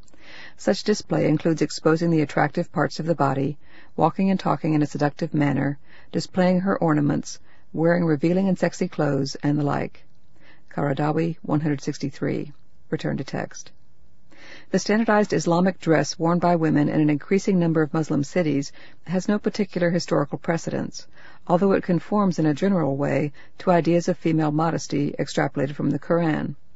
Known as the zi shari and the hijab veil, these tent-shaped robes with nun-like wimples covering the head are designed to conceal both hair and feminine curves, and are claimed by their wearers to be similar to the costumes worn by Muhammad's wives, who were ordered to protect themselves from behind the veil or curtain, in the only Quranic reference to female seclusion. Page 109. This invented Muslim tradition first made its appearance among the female affiliates of the Muslim Brotherhood, the Muslim Sisters, during the 1930s. It became increasingly popular during the 1970s and 1980s, and generally signals support among the women wearing it for the aims of the Islamist movements. Box. Avoiding the infidel. The Quran, the Sunnah, and the consensus of Muslim scholars all teach Muslims to be distinct from non-believers, and in general to avoid resembling them. Anything which is likely to cause corruption in a hidden and diffuse manner is related to this matter and is likewise prohibited the imitation of the appearance of the non-believers will lead to imitation of their immoral behavior and evil qualities, indeed, even of their beliefs. Such influences can neither be brought under control nor easily detected, and consequently it becomes difficult or even impossible to eradicate them. Kitab Iqtida al-Sirat al-Mustaqim, cited in Qaradawi 95. Return to text. Several analysts insist adoption of the hijab, far from signaling the internalization by women of patriarchal attitudes, may actually represent the contrary, facilitating a new social and spatial mobility, allowing women to invade public spaces previously reserved for men. By adopting Islamic dress, it is argued, a woman may even defy patriarchal authority while making it plain to the non-mahram male she encounters of necessity outside the home that she is not sexually available, and that harassing her is tantamount to a sacrilegious act. The authority to which she considers herself answerable is no longer that of her father or brother, but that of God, or perhaps the religious leader who claims to speak on his behalf. This view, however, is far from being universally accepted, and there are studies which show that the women who adopt the hijab are less likely than unveiled women to seek work outside the home or to be involved in higher education. Page 110. Illustration. This page contains a photograph of a woman and a child seated outside. The woman is completely covered by her clothing. It's captioned 9. The tent-like burqa, completely covering her body, through which an Afghan woman surveys the world. Displacement following on decades of war has increased pressures for female segregation and seclusion. Return to text. Page 111. In principle, there is a world of difference between the situation facing women who adopt the veil voluntarily and those who do so as a result of legislation. The former are exercising freedom of choice. The latter are having their freedom to choose taken away. In reality, the situation is a good deal more complex than suggested by either of these alternatives. In both Muslim and non-Muslim countries, the veil has become a symbolic marker of cultural identity, a shibboleth by which the Muslim woman is seen to proclaim her religious and political allegiance. In countries, including the Western diaspora, where other choices are possible, such an act can be a gesture of independence, signaling a rejection of the prevailing non-Muslim social mores. At Grenoble in France, a secondary school pupil who refused to remove her head covering, even for physical education classes, became at once a national heroine and national pariah. France is my freedom, so is my veil, she proclaimed. Often as not, however, such choices will involve a degree of pressure from families, husbands, or peers. The semiotics of veiling vary from region to region, city to city, Dar al-Islam to Dar al-Harb. There are no generalizations that can safely be applied across the board. Legal reforms and the backlash against them. In recent decades, under pressure from reformers, attempts have been made to rectify some of the legal inequalities facing women, for example, by restricting the right of unilateral divorce, or requiring that a wife register her permission with the court before her husband avails himself of the right to additional wives. Several countries have raised the minimum age of marriage. Nowadays, it generally stands at 18 for boys, varying from 15 to 18 for girls, depending on the country. After the Iranian Revolution of 1979, however, the victorious clergy abolished the family protection law introduced by the Shah, which set the age of marriage at 18 for girls and boys, restoring the minimum to 15 for boys and 9 for girls. Page 112. Lowering the age of marriage is evidently designed to strengthen the patriarchal family against the pressures of individualism, since parents are able to exercise more influence on younger people, especially girls, in their choice of marriage partners. At the same time, established social networks are breaking down under the pressures of rapid urbanization and economic change. Everywhere, women are exposed to encounters with men outside their mahram groups, encounters still deemed by many to be fraught with sexual danger. Governments such as that of Pakistan have responded to populist demands for a return to the Sharia by enacting laws which introduce Sharia penalties. In 1979, the military government of General Zia-ul-Haq introduced the Hudud Ordinance, prescribing the Quranic punishments for zina, theft, drinking, and false accusations of zina. By insisting on Quranic standards of proof, the ordinance makes it difficult for a woman to bring charges of rape without risking a counter-accusation of zina, with the rules of evidence weighted against her. The safeguards are such, however, that no thief has had his hand amputated. In Sudan, by contrast, where Sharia law has been applied to non-Muslims contrary to tradition, amputations have been applied to non-Muslims as well as Muslims convicted of theft. Islam and Feminism Muslim feminists argue that it is not Islam as such, but rather reactionary male interpretations of the faith that are invoked to justify patriarchal attitudes. As suggested earlier, the logic of this position inevitably comes up against certain discriminatory provisions in the divine text of the Quran. A modernist hermeneutic stating that the Quranic provisions are time contingent rather than absolute becomes necessary before the contradiction between the spiritual and moral equality of women and their legal inequality can be resolved. Page 113. The argument that a woman giving evidence on a business matter might need assistance from her friend might make sense under pre-modern conditions when most women were illiterate.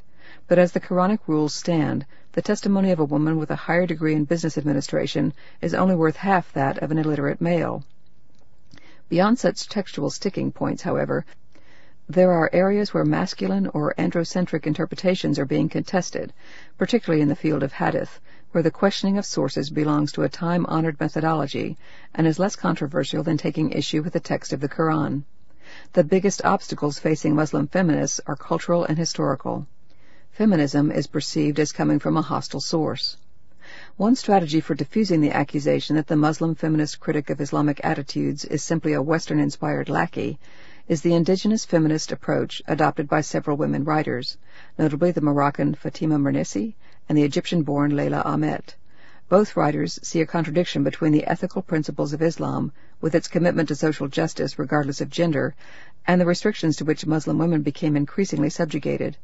For Ahmed, the practices sanctioned by Muhammad in the first Muslim society reflect far more positive attitudes than became current during the later Abbasid era, when the practice of concubinage, sanctioned if not encouraged by Islam, became widespread.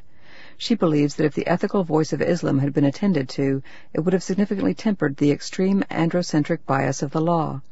Access to slaves and concubines led to women being treated as commodities, as upper-class women became increasingly marginalized. Mernissi, adopting a similar line of argument, claims that the women of the Prophet's day were relatively free. They participated with men in the public domain, if not in battle, and were active in the early Islamic movement.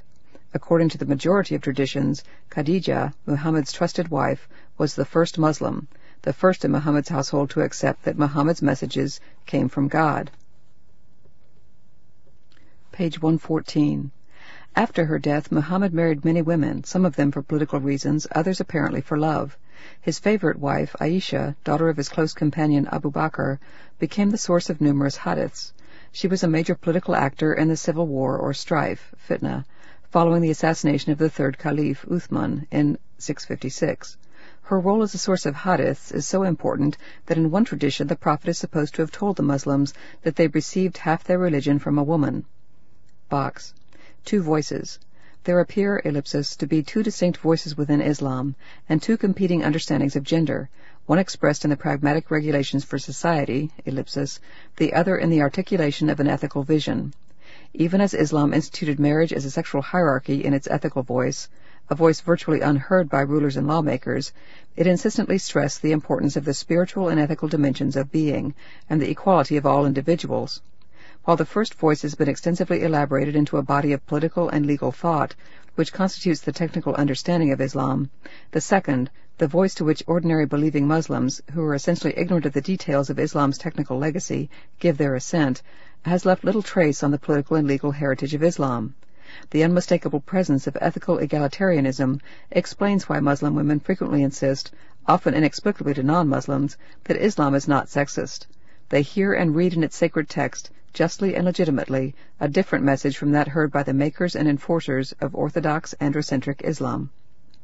Ahmed, Women and Gender in Islam, 65 to 6. Return to text.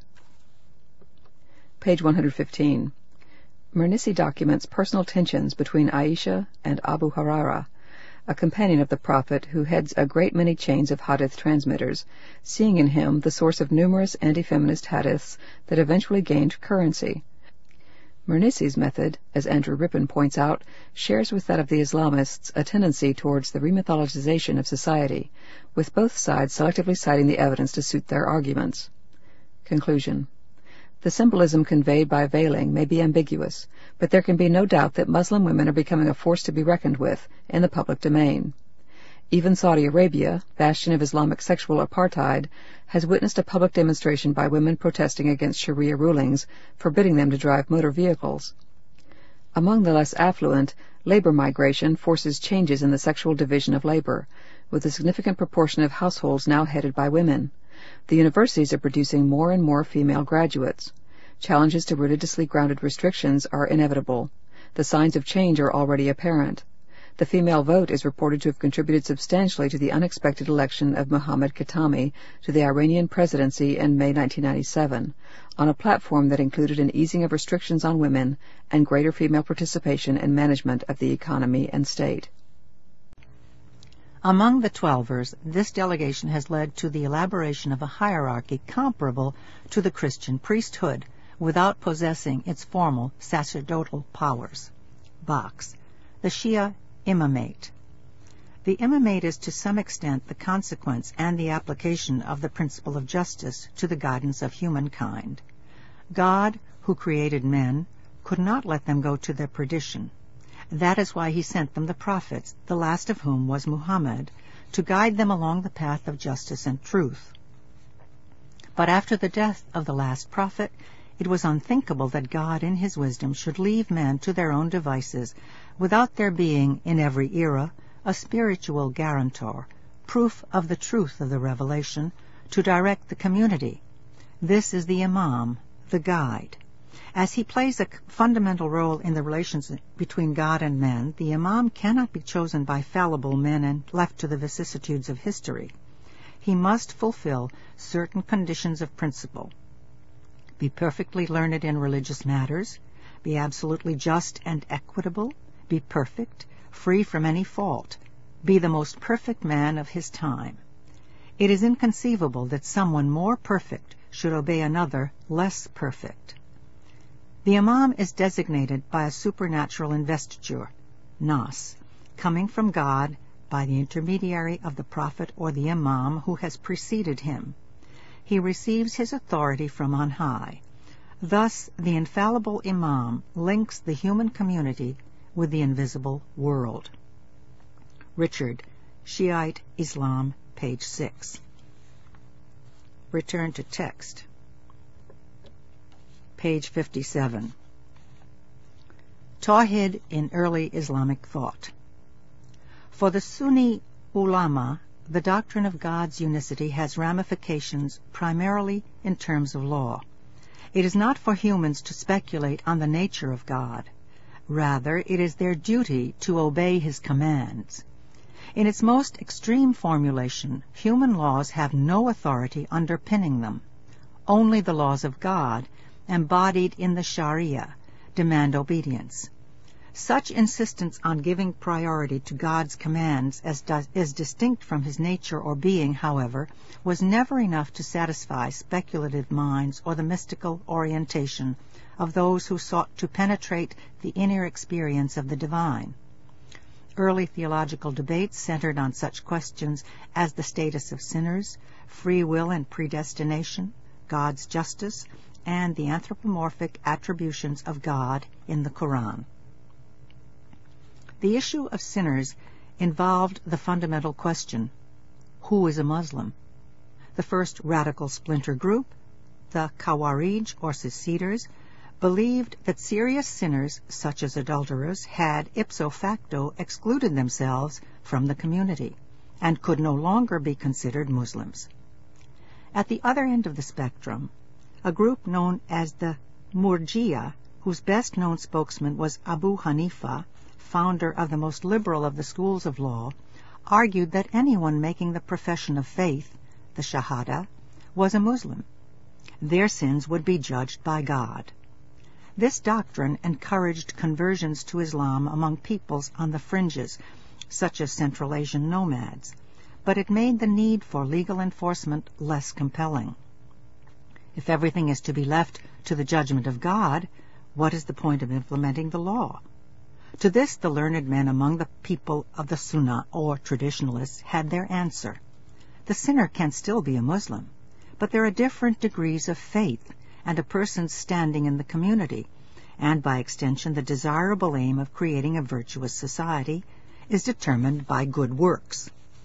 Arguments over sin inevitably led to the broader question of free will and predestination. Page 58. Does God know in advance who is going to sin? Is he bound by his own rules of justice? Must he reward virtue and punish wrongdoing? Or does this impinge on his freedom of action, his omnipotence? The argument about God's justice was deeply bound up with the question of God's unicity and with the status of revelation itself. In one of the earliest passages of the Quran revealed to the prophet in Makkah, God, speaking through Muhammad, curses Muhammad's chief Quraishi opponent, Abu Lahab, for his persistent opposition, and predicts for him a roasting in hell, Quran 111. If Abu Lahab was a free agent, able to choose between acceptance and rejection of God's message, it followed that the Quran must already have been created when this message was sent down. To suggest otherwise would be to argue that God had already predetermined Abu Lahab's fate, depriving him of freedom of action. The doctrine of the created Quran, however, ran into powerful opposition from the traditionalists who saw it as derogating from the idea of the Quran as God's speech. The group of theologians known as the Mu'tazila, who espoused the doctrine of the created Quran, adopted a rationalist style of argumentation influenced by the Greek philosophers. For them, divine unicity was compromised by the doctrine of an uncreated Quran. The argument was further complicated by the presence in the Quran of certain anthropomorphic expressions such as God's face, hands, eyes, throne, and so forth. For the Mu'tazila, who are also known as the people of unity and justice, literal interpretations of such expressions smacked of shirk, associationism, or idolatry. The association of lesser, that is created, beings with God, detracting from his transcendental otherness. Expressions such as God's face must be understood as referring to his essence, his eyes, as his capacity to see. The rationalist tendency held sway at the Abbasid court under the Caliph al-Mamun, 813 to 833, who imposed an Inquisition-type system, the Mihna, according to which government officials were obliged to declare their allegiance to the doctrine of the created Quran. One who refused to do so, despite imprisonment and torture, was Ahmad ibn Hanbal, the traditionalist, who subsequently became a hero for the anti-Mutazili people of the Sunnah and community. Page 59. In 849, under one of al-Mamun's successors, the policy was reversed. Theological underpinning for a compromise between the rationalists and traditionalists was supplied by a former Mutazili, Abu al-Hasan al-Ash'ari, died 935. Ash'ari and his followers insisted that the Quran was uncreated and that God has foreknowledge of human action as described in the Quran. He argued, however, that God's omniscience and human responsibility could be accommodated by a doctrine of acquisition, whereby God creates the power for people to acquire actions created by him at the instant of action. The Ash'aris were satisfied that their doctrine preserved God's monopoly of creation, hence his unicity. Ash'ari denounced the Mutazili attempts to allegorize or de-anthropomorphize the Quranic deity's attributes by stating that they existed in addition to his essence. If the divine will were perceived as one with the divine essence, as the Mutazili argued, then divine unicity was indeed compromised, for God's freedom of choice was called into question. Ultimately, for the Asharis, God is accessible to human reason. God makes himself known only through revelation, and the terms in which he chooses to reveal himself, including his throne, his hands, etc., must be accepted without asking how, bila kaif. This phrase, a key term in Ash'ari theology, leaves to God the understanding of his own mystery. The Sunni Consensus For centuries, Ash'ari theology held sway over what became known as Sunni Islam. With the debacle of the Mihna, the attempted fusion of religious and political authority in the caliphate was seen to have failed. Religious leadership remained for the most part in the hands of the ulama, a class of religious scholars whose authority was based on their knowledge of Scripture, but not on hierocratic or spiritual power. Page 60. There is no clear pecking order among the Sunni ulama just as among American Protestants virtually anyone with a basic theological training can become a preacher, so amongst Sunnis any qualified Islamic lawyer can declare whether something is against Islamic law, so there can be as many versions of orthopraxy as there are jurists. Generally decentralized religious authority, as in American Protestantism, tends toward conservatism. Without a cult of divinely inspired leadership, the text becomes paramount. And even if the text itself is deemed to be divine, interpretation is most likely to proceed in the safety of well-worn grooves. Theosophical speculations. The Sunni consensus may have opted for the safety of focusing on God's commands rather than indulging in speculation about his nature. But after their first encounters with Helleno-Christian thought, some Muslim intellectuals refused to be put off by Bila Kaif, going to considerable lengths to reconcile the Quranic deity with the God of the philosophers. As they developed an increasingly sophisticated discourse, the Islamic philosophers gradually moved away from the Quranic God who creates, acts in time, guides mankind, and who can in some way, albeit indirectly, be known towards an utterly remote, unknowable God who does not even create. The systems they constructed vary as do their terminologies.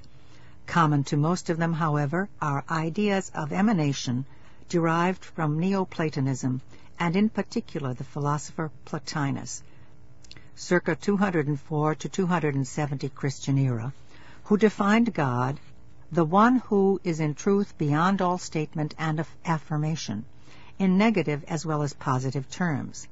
This via negativa is consistent with the Islamic creedal formula, which begins with the negative, there is no God. God's positive dimension could still be approached through his great names, of which there are 99 in the Quran. Creation comes not directly from God, but through a series of emanations, the first intellect, the second intellect, the first heaven, and so forth, that correspond to the various medieval cosmologies. God himself remains intact, uninfringed, unexplained, and inexplicable. The Persian philosopher Ibn Sina, Avicenna, 979 to 1037, arguing that God has knowledge of generalities but not particulars, emphasizes the gulf between the philosophical God and the God of Quranic theology to the annoyance of the conservatives. Today its followers are to be found mainly in the rural parts of Egypt, Palestine, Jordan, the coastlands of Yemen, and among populations in Pakistan, India, and Indonesia, the world's most populous Muslim country. End of box. Return to text. Page 79. 4. Qiyas. The fourth of the classical roots of jurisprudence is a form of analogical and syllogistic reasoning similar to the Talmudic hekes, from which some argue the word has been derived.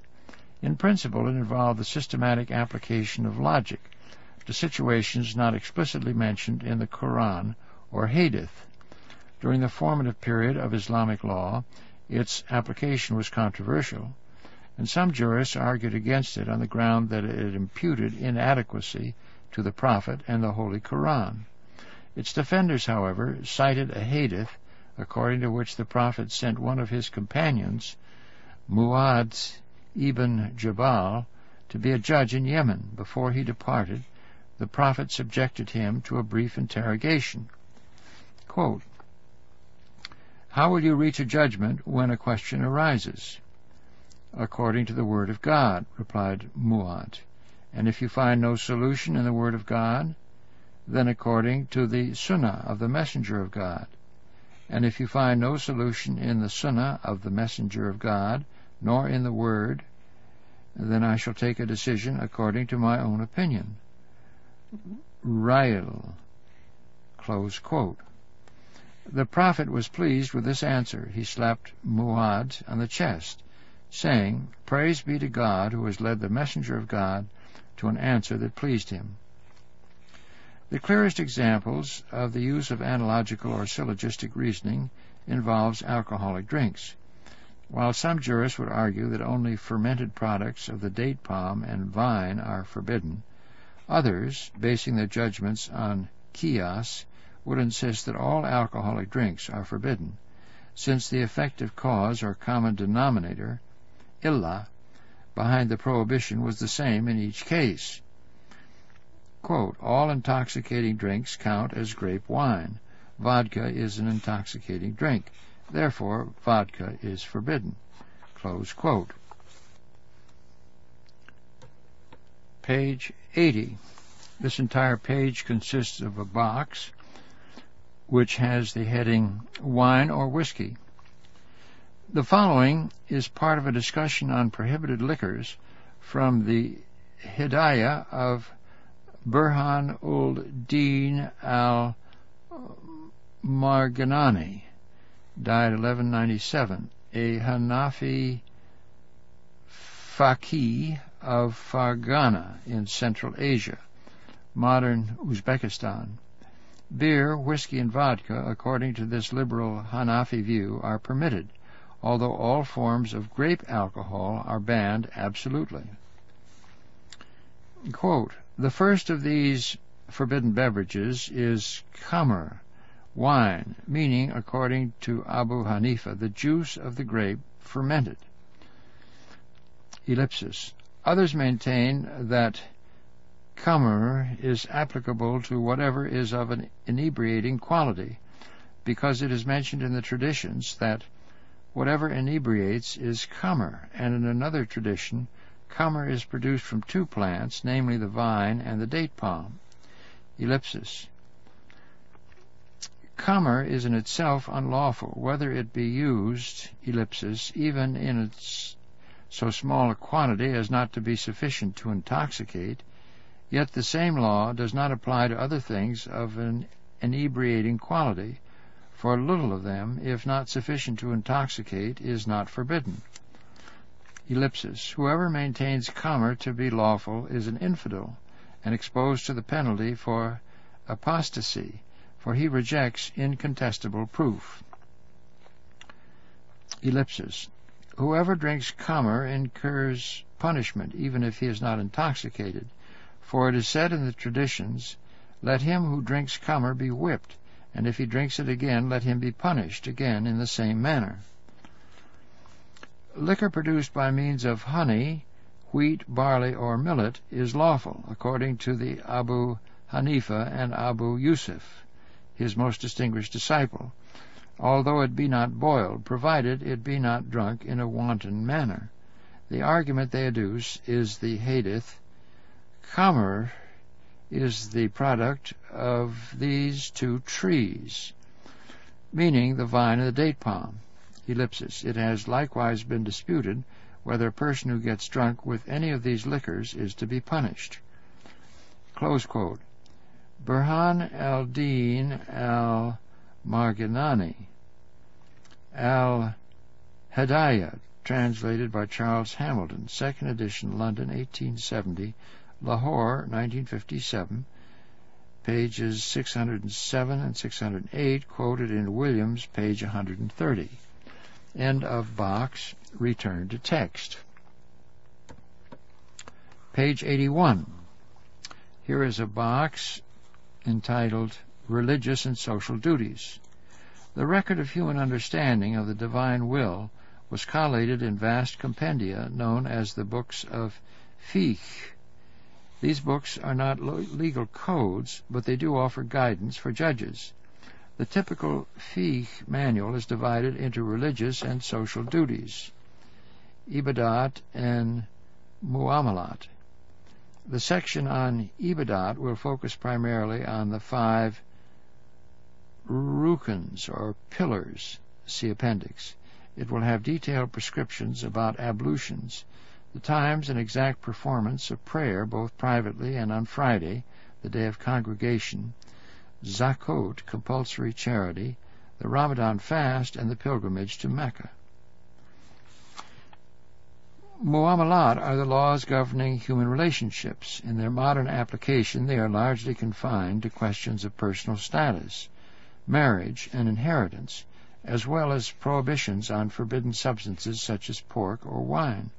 They also include political matters such as the theory of the caliphate which in classical times fell within the active purview of the Sharia. End of box, return to text. Ijtihad, the struggle for truth. Legal reasoning by analogy and syllogism was one aspect of the effort, ijtihad, needed to fathom the law as revealed by God and His prophet. The word ijtihad shares the same root as jihad, struggle, a term usually translated as holy war. The jurist must exhaust himself intellectually in order to determine the details of God's command. Ijtihad, in the words of one authority, involves, quote, the total expenditure of effort in the search for an opinion as to any legal rule in such a manner that the individual senses within himself an inability to expend further effort.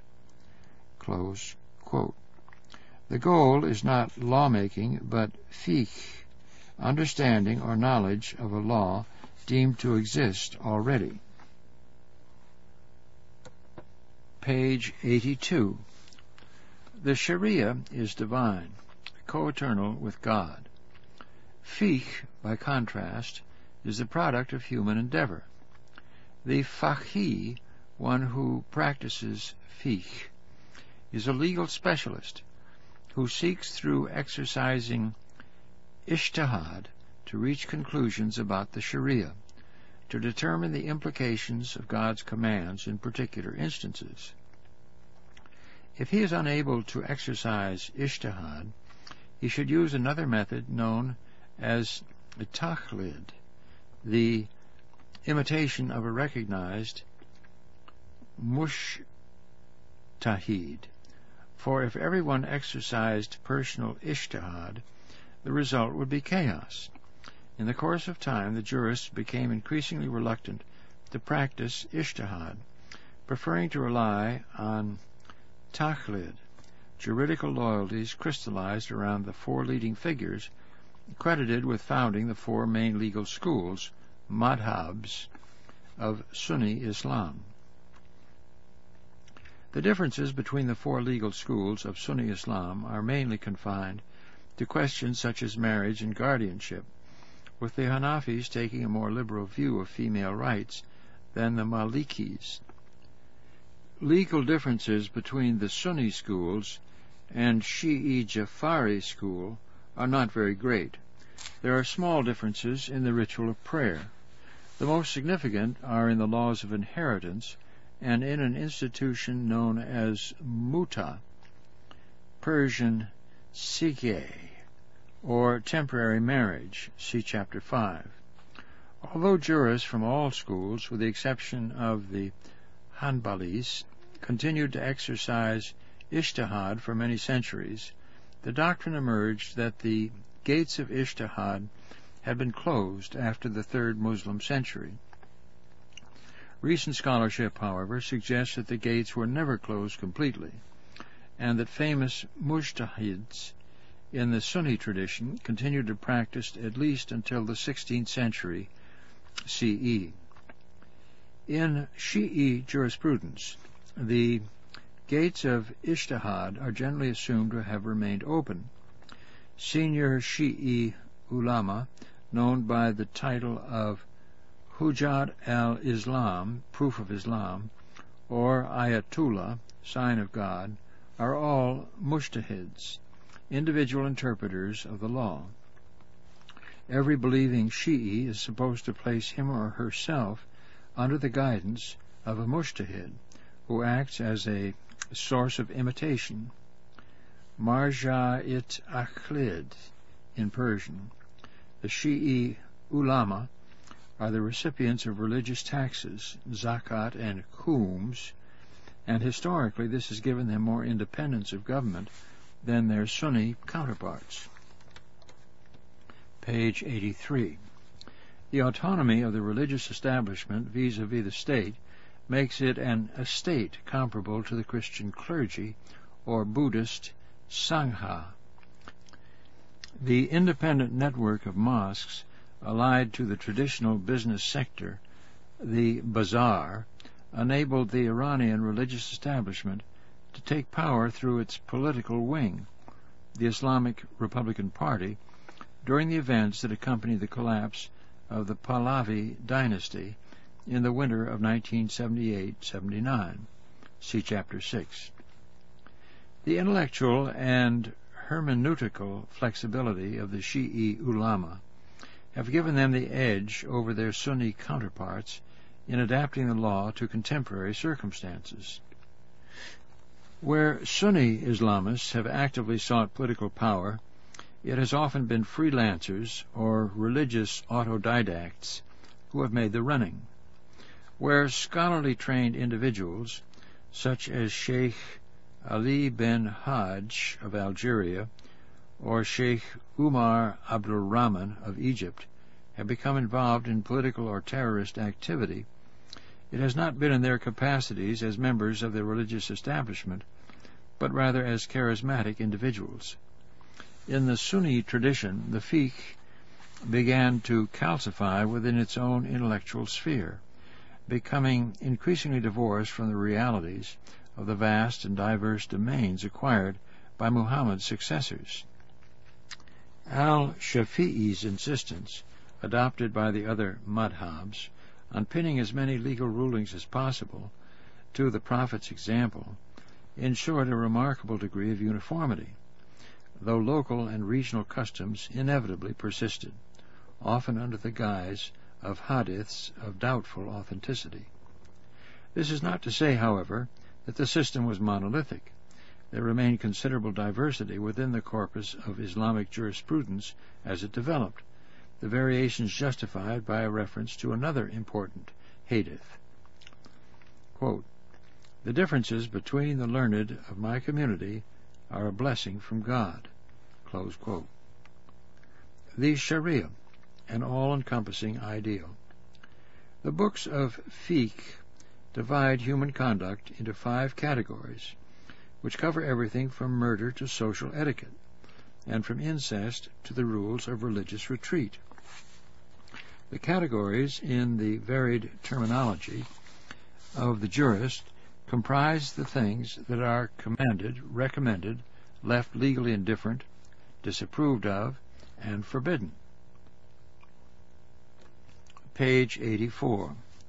The formulation involved the explicit rejection of the view advocated by the Mu'tazila that the moral world could be divided into the bipolar categories of good and evil. The fivefold system represents the compromise made in the first two centuries between the moral perfectionism of early Muslim communities, such as the Kharijis, and the demands of an expanding Islamic community that aimed to be inclusive and universal. In principle, this remarkably comprehensive scheme allows no ultimate distinction between religion and morality, law and ethics, all are seen as proceeding directly from the command of God, though there is room for humans to argue about the details. Only God can judge the extent to which an individual's activities conform to the jurist's schema. Law in the narrower sense is restricted to dealing with those activities that are explicitly forbidden, haram, or to adjudicating between competing claims of individuals. Western legal historians tend to argue that the Sharia developed as an ideal system of law divorced from practice. The mainly oral procedure and high standards of proof, though admirable for protecting the rights of accused persons in relatively small communities, such as the Prophet's Medina, were less appropriate in the expanding cosmopolitan societies of the Arab empires. Strictures against riba lending and borrowing at fixed rates of interest, were widely evaded by legal devices, making whole areas of commercial law impossible to enforce. As a consequence, the administration of criminal justice was never fully entrusted to the Qadis.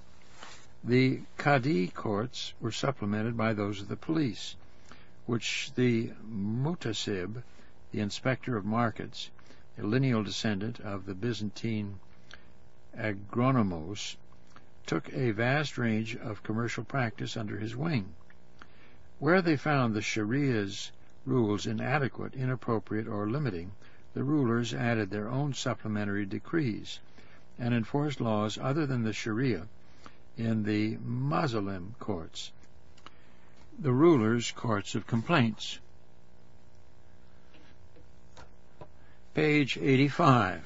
This entire page is a box with the heading Five Categories of Behavior. The classical law books divide all human behavior into five categories. 1. Required, obligatory, wajib, or fard. Quote, for the neglect of which one ought to be punished both in this world and in the hereafter, and for the doing of which one is rewarded. Obligations are divided into fard ain, individual duties such as prayer, almsgiving, and fasting, and fard kifaya, collective duties such as attendance at funeral prayers or participation in the jihad or holy war. 2. Proscribed or prohibited mahzur haram acts, quote, for the performance of which there is punishment, and according to most authorities, for the avoidance of which there is reward. The punishment is usually inflicted in this world according to Islamic law. Categories include certain types of theft, illicit sexual activity, wine drinking, the so-called hudud offenses, for which specific penalties are prescribed in the Quran. The rewards for abstention are presumed to be in paradise. 3. Recommended mandub, masnoon, mustahab, sunnah. Acts that are commendable but not required. Quote, for the doing of which there is reward, but for the neglect of which there is no punishment. Close quote. They include charitable acts such as the manumission of slaves, supererogatory prayers and fasts, pious deeds of all varieties. 4. Discouraged or odious, makruh. Quote, acts for the doing of which there is no punishment, but for the avoidance of which there is reward. There is wide disagreement about this category, but some authorities would include divorce, permitted by unilateral male declaration, but disapproved of by the Prophet. 5. Permitted but morally indifferent. Jaiz, mubah. Quote, acts for the performance or avoidance of which there is neither reward nor punishment. Close quote. End of box. Return to text. Page 86 and page 87. There is a box at this point entitled The Judge's Role.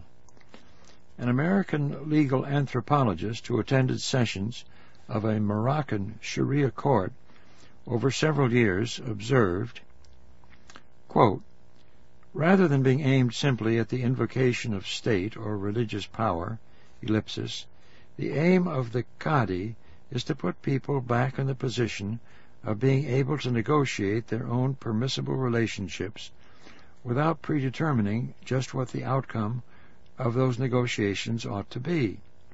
Ellipsis. Even the social interest is conceptualized in terms of maintaining private interaction. What is good for the individual is good for society. What is missing, until at least the beginning of Western influence, is the institutionalization of the public as an entity whose interests might be assessed like those of a person. In the absence of the idea that corporate entities might constitute jural personalities, the social interest enters the law as a localized interpretation of the legal status of particular named persons and their highly personalized acts. Lawrence Rosen, R-O-S-E-N, The Anthropology of Justice, Law as Culture in Islamic Society, Cambridge, Cambridge University Press, 1989, pages 17 and 49. End of box. We go now to the illustration which takes up all of page 87 and has the following caption. 7. Aerial view of Damascus showing the labyrinthine density of the streets in the old city. In the absence of a formally constituted public domain, the streets were constantly subject to private encroachments. And in this uh, photograph, uh, we see the incredible crowding uh, of the area around a, a, mosque with a large courtyard in Damascus. End of photograph. Return to text the Sharia and Muslim societies. By defining correct behavior or orthopraxy at the social level, the Sharia has left its distinctive imprint on a way of living that has evolved over time and varies from one country to another in accordance with local custom. As well as sanctioning sexual inequality, see Chapter 5, the laws of inheritance prevented concentrations of wealth among individuals as estates had to be divided according to the provisions of the Sharia, which limits the amount a single heir may inherit while favoring a multiplicity of claims by agnatic kin, relatives in the male line. Page 88. Although these provisions could be evaded by the creation of family trusts,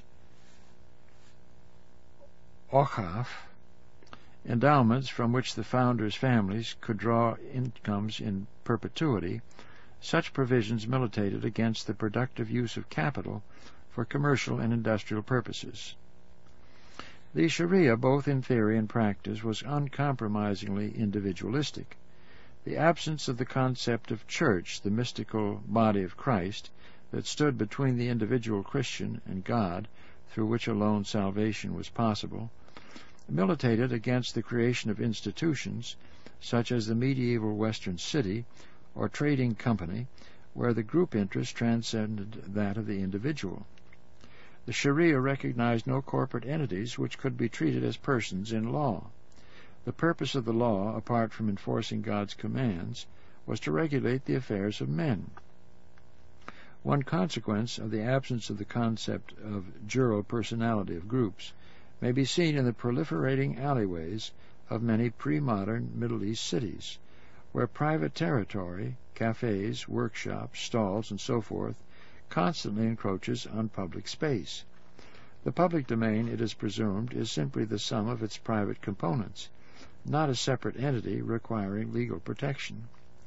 The positive result is a law that is primarily directed at social self-regulation. The Muslim judge, like the ancient hadith collector, must be above all a judge of persons.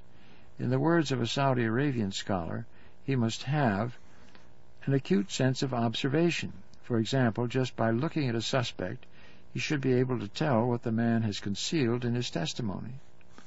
In traditional Muslim societies, the science of men, administered by the judge, provided the connecting link between divine justice and the human environment in which it was supposed to operate. The idealism of the Sharia was mitigated by a humane and humanistic pragmatism. Page 89. There is a box at this point which is captioned Law as Common Sense. Quote, Islamic law, ellipsis, seeks consistency with common sense assumptions about humanity, not through the refinement of categories of its own creation. It is a system of adjudication, of ethics, and of logic that finds its touchstone not in the perfecting of doctrine, but in the standards of everyday life, and measured in this way, it is enormously developed, integrated, logical, and successful. Man's duty is to conform to God's moral limits, not to try to invent them. But within the limits established by God, one can create relationships and traffic in the knowledge of their existence, intricacies, and repercussions. Rosen, R-O-S-E-N, The Anthropology of Justice, page 56. End of box. Return to text. A negative consequence of the Sharia approach to law has been the lack of legitimacy accorded the public interest in the form of city, state, or any other institution standing between the individual and God. Corruption is endemic in many societies, and it would be unfair to target Muslim societies as being uniquely prone to bribery, graft, and the private misappropriation of public funds. Patrimonialism, the confusion of private and public realms, is rife in developing countries. However, a culture informed by the absence of institutional boundaries between the public and private spheres may be more vulnerable to such abuses than one where the boundaries are rigorously upheld by law. In Western societies, these boundaries are part of the historical residue of medieval Christendom, with its separate distribution of powers between church and state. Family values, including those of the extended kinship group, are fundamental to Sharia, and where family values predominate, the state is vulnerable to manipulation by powerful family networks. Yet the idealism implicit in the Sharia, the utopian expectations it engenders, militates against the constitutional limitation of power. It is pessimism about human nature, a byproduct, arguably, of the Christian doctrine of original sin, that leads to the liberal perception that all power corrupts, and that constitutional limitations must be placed on its exercise. Page 90. This personalized or individualized nature of the Sharia has not merely given its application an intimate and personal character, a character that is arguably reinforced by the application of public corporal punishments, including flogging and execution, for certain categories of crime, it traps the modern Islamist political discourse in what might be called a virtuous circle. Rather than addressing systemic or institutional reform, modern Islamist reformers like Maududi have simply stressed a return to the Sharia, placing an excessive degree of emphasis on personal virtue. As the French scholar Olivier Roy points out, because the Islamist model is predicated on the belief in government by morally impeccable individuals who can be counted on to resist temptation, it does not generate institutions capable of functioning autonomously by means of structural checks and balances. Political institutions function only as a result of the virtue of those who run them, but virtue can become widespread only if society is already Islamic page 61. However, speculation about God was allowed to flourish under the patronage of the Ismaili imams who elevated reason or intellect to the highest level beneath the unknown and unknowable deity. This God is not in himself the cause of things. His being is beyond the whole chain of existence of cause and effect. Ismaili cosmologies varied in their details, but they shared common features, including an emphasis on a transcendent deity, unknown and unknowable, a system of emanations linked into the Ismaili hierarchy with the Imam at its head, and a cyclical view of history according to which each era has its prophet and his silent companion who knows the inner meanings of the scriptures. Unabashed elitists, the Ismailis developed their system against a background of differential hermeneutics, whereby the literal or exoteric meanings of the Quran were accessible to the many, while the inner or esoteric meanings were known only to the few. For example, Ismaili writers would interpret the Quranic descriptions of heaven and hell as referring to states of being rather than physical places of bliss or torment. The true meaning of Scripture was known to the Imam and the dais, or missionaries, appointed by him. Though not a paid-up member of the Ismaili movement, Ibn Sina may be said to have been a fellow traveler. Likewise, the great Spanish philosopher Ibn Rushd, Averroes, 1126 to 1198, has been described as almost a closet Ismaili in his acceptance of differential hermeneutics. For Ibn Rushd, the ordinary people are required to accept the Quran in its literal or exoteric sense, lest they be led into kufur, disbelief, whereas the philosophers have much more discretion in interpreting scriptural truth. Ibn Rushd, who in addition to being a philosopher acted as a judge charged with the implementation of the Sharia, has been accused of double standards in preaching one truth for the masses and another for the elect. A more tactful way of putting it, however, is to say that, like the Ismailis, he is a proponent of a multivocal expression of truth. Page 62. It is generally accepted that Ibn Rushd's influence was greater in the medieval West than in the Muslim world. Box, the Surah of Light. God is the light of the heavens and the earth. The parable of his light is as if there were a niche, and within it a lamp, the lamp enclosed in a glass, the glass as it were a brilliant star, lit from a blessed tree, an olive neither of the east nor of the west, whose oil is well nigh luminous. Though fire scarce touched it, light upon light, God doth guide whom he will to his light. Quran, chapter 24, verse 35. Return to text. Sufism. It was not only the philosophers and intellectuals who rejected literalistic interpretations of Scripture. The mystically inclined Sufis, named after the coarse shirts of wool, suf, worn by some early adepts, rejected or de-emphasized outward or formalistic forms of observance in favor of a style of pietism that sought to apprehend the reality of God's unity through direct experience.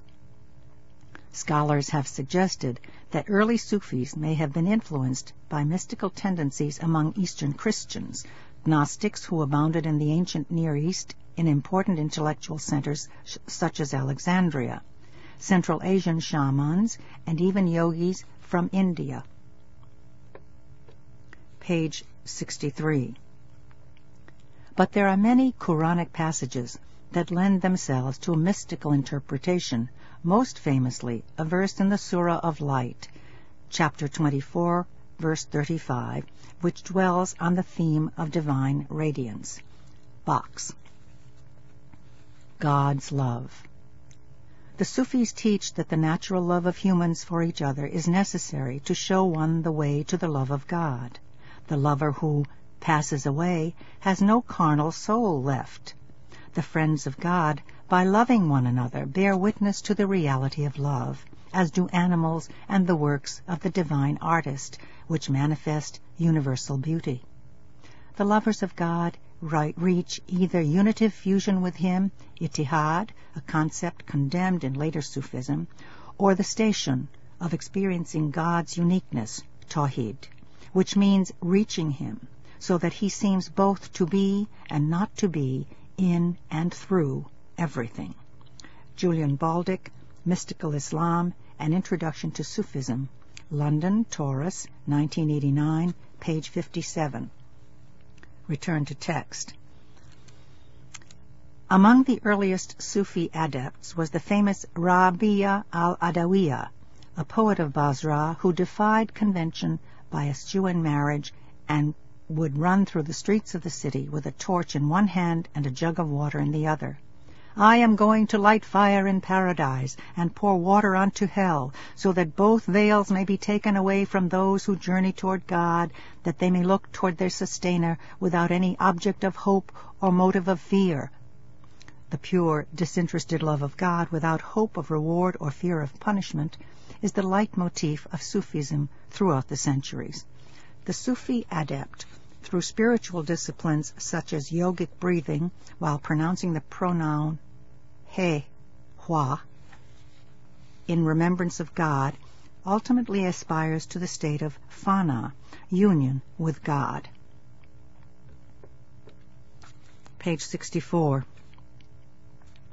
But Sufism also influences less mystically oriented souls, such as the great jurist and theologian Abu Hamid al-Ghazali, died 1111, and Hassan al-Banna, 1906 to 1949, founder of the Muslim Brotherhood. Ghazali left his teaching post in Baghdad and spent several years as a Sufi, traveling to Syria and Palestine before writing his famous Ihya Ulum al-Din, the revitalization of the religious sciences a book which infuses the strict orthopraxy of Sunnism with a powerful dose of mystical piety, so that every activity from defecation to prayer becomes in its own way a remembrance of God. The Ihya was Hassan al-Banna's bedside reading. With Ghazali, as with other writers belonging to the so-called sober Sufis, the law remains the frame through which mystical feeling must manifest itself. But mystical enthusiasm can also take radical antinomian forms, which transgress the rules of the Sharia and sometimes scandalize the pious. Illustration. Sufis perform the dhikr, remembrance of God, near Omdurman, Sudan. Sufi rituals celebrate the divine in a purely disinterested way. The The focus is on the absolute transcendence of God as distinct from his attributes, such as mercy and compassion. Return to text. The famous mystic Al-Hallaj, 857 to 922, described his spiritual union with God in language, I am the truth, that the powers of the time saw as threatening to the authority of the caliph and the ulama. Page 65. He was crucified and burned, his ashes thrown into the river Tigris. The official reason for his execution was his teaching that the pilgrimage to Makkah could be performed spiritually while staying at home. Despite occasional persecution, drunken or ecstatic Sufism persisted alongside legalistic Islam. It animates Sufi-inspired poetry with constantly recurring images of divine love, challenging the conventional religiosity of what might be called the ulama establishment. Box. Beyond language. In the name of God the merciful, the compassionate, and him we ask for aid. Praise be to God before whose oneness there was not a before, unless the before were he, and after whose singleness there is not an after, except that after be he. He is, and there is with him no after nor before, nor above, nor below, nor far nor near, nor union nor division, nor how, nor where, nor when, nor times, nor moment, nor age, nor being, nor place. And he is now as he was. He is the one without oneness, and the single without singleness. He is not composed of names and named, for his name is he, and his named is he. So there is no name other than he, nor named. And so he is the name and the named. He is the first without firstness, and the last without lastness. He is the outward without outwardness, and the inward without inwardness.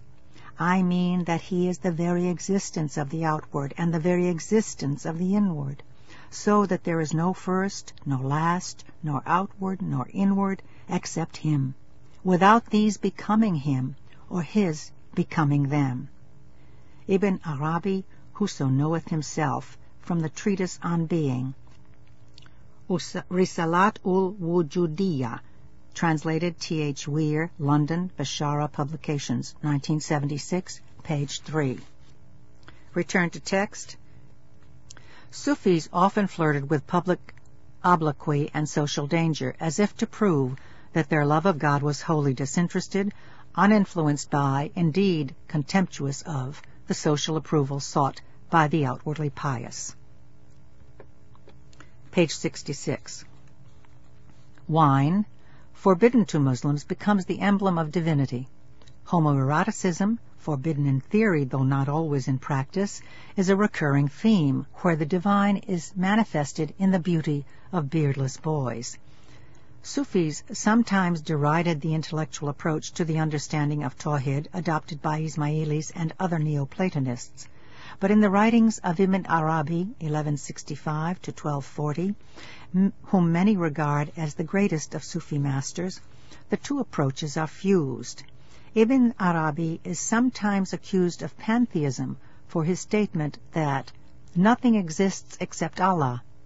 However, his system makes a categorical distinction between God's essence, which cannot be known or experienced by the mystic, and the level of unicity to which the mystic can aspire through the revelation of God's names.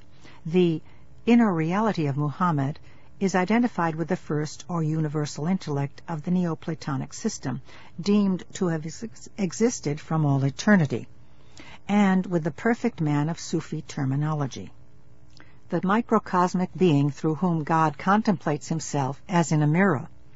Ibn Arabi could thus be described as a mystical humanist, for in a very real way his man is somehow God, in a sense that he is one with God like all things, and God is simply somehow man. Though God is also much more than that, Ibn Arabi's system has been described as the ultimate theological semiosis in Islamic thought. Everything signifies, and everything signifies only the one reality, God. Sufism, and Shi'ism. The Sufi masters, renowned for their spirituality, are known as friends, walis, of God, a term sometimes translated as saints. Though there is no church in Islam, there are no formal processes of canonization. The intercessionary powers attributed to God's friends endow them with the religious authority that leads to the creation of the Sufi orders. See Chapter 6.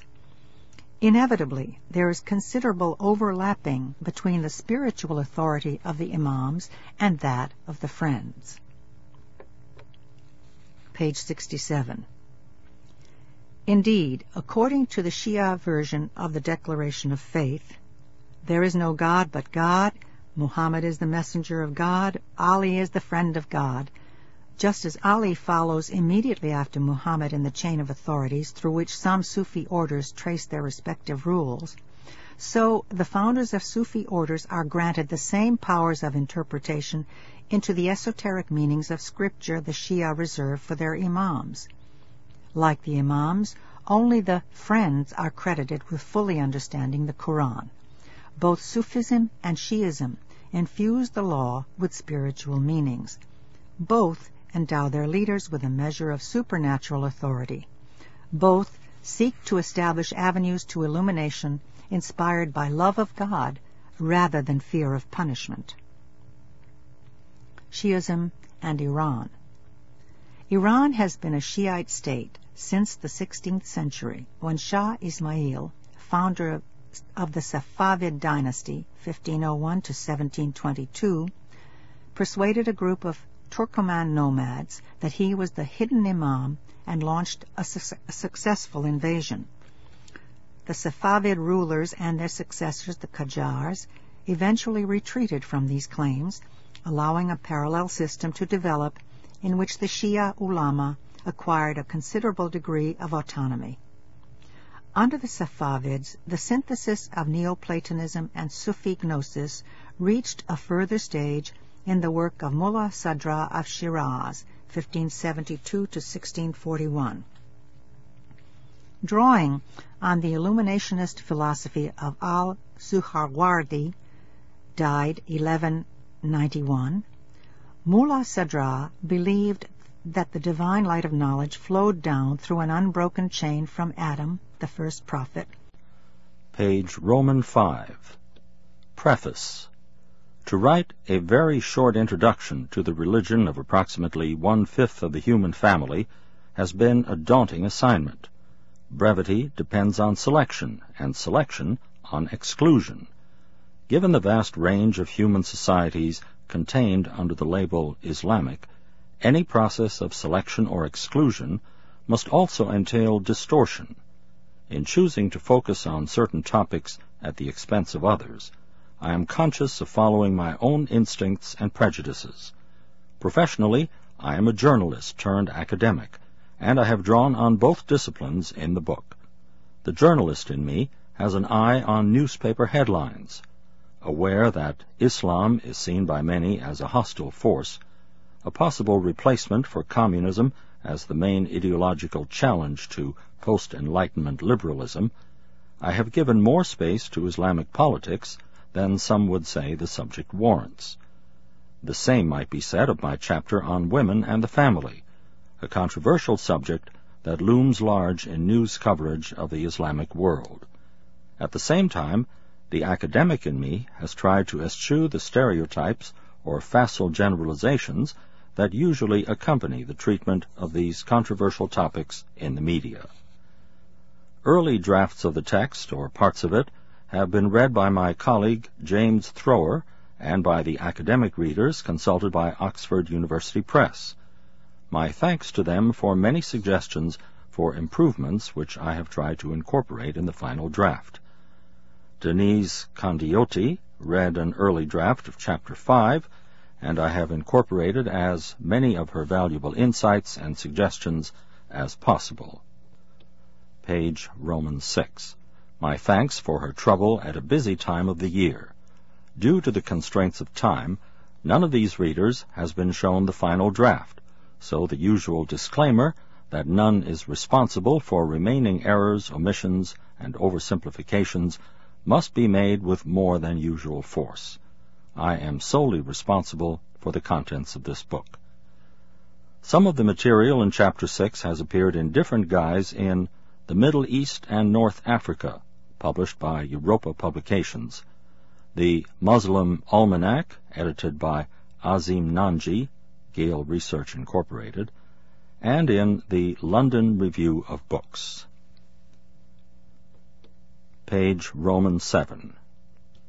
Table of Contents. List of illustrations, page Roman 8. List of maps, page Roman 11. Chapter 1. Islam, Muslims, and Islamism, page 1. Chapter 2. The Quran and the Prophet, page 20. Chapter 3. Divine Unicity, page 49. Chapter 4. The Sharia and its Consequences, page 73. Chapter 5. Women and Family, page 91. Chapter 6. The Two Jihads, page 116. Appendix. The Five Pillars of Islam, page 143. References, page 149. Further reading, page 153. The index, pages 157 to 162, will not be read. End of Table of Contents. Page Roman 8.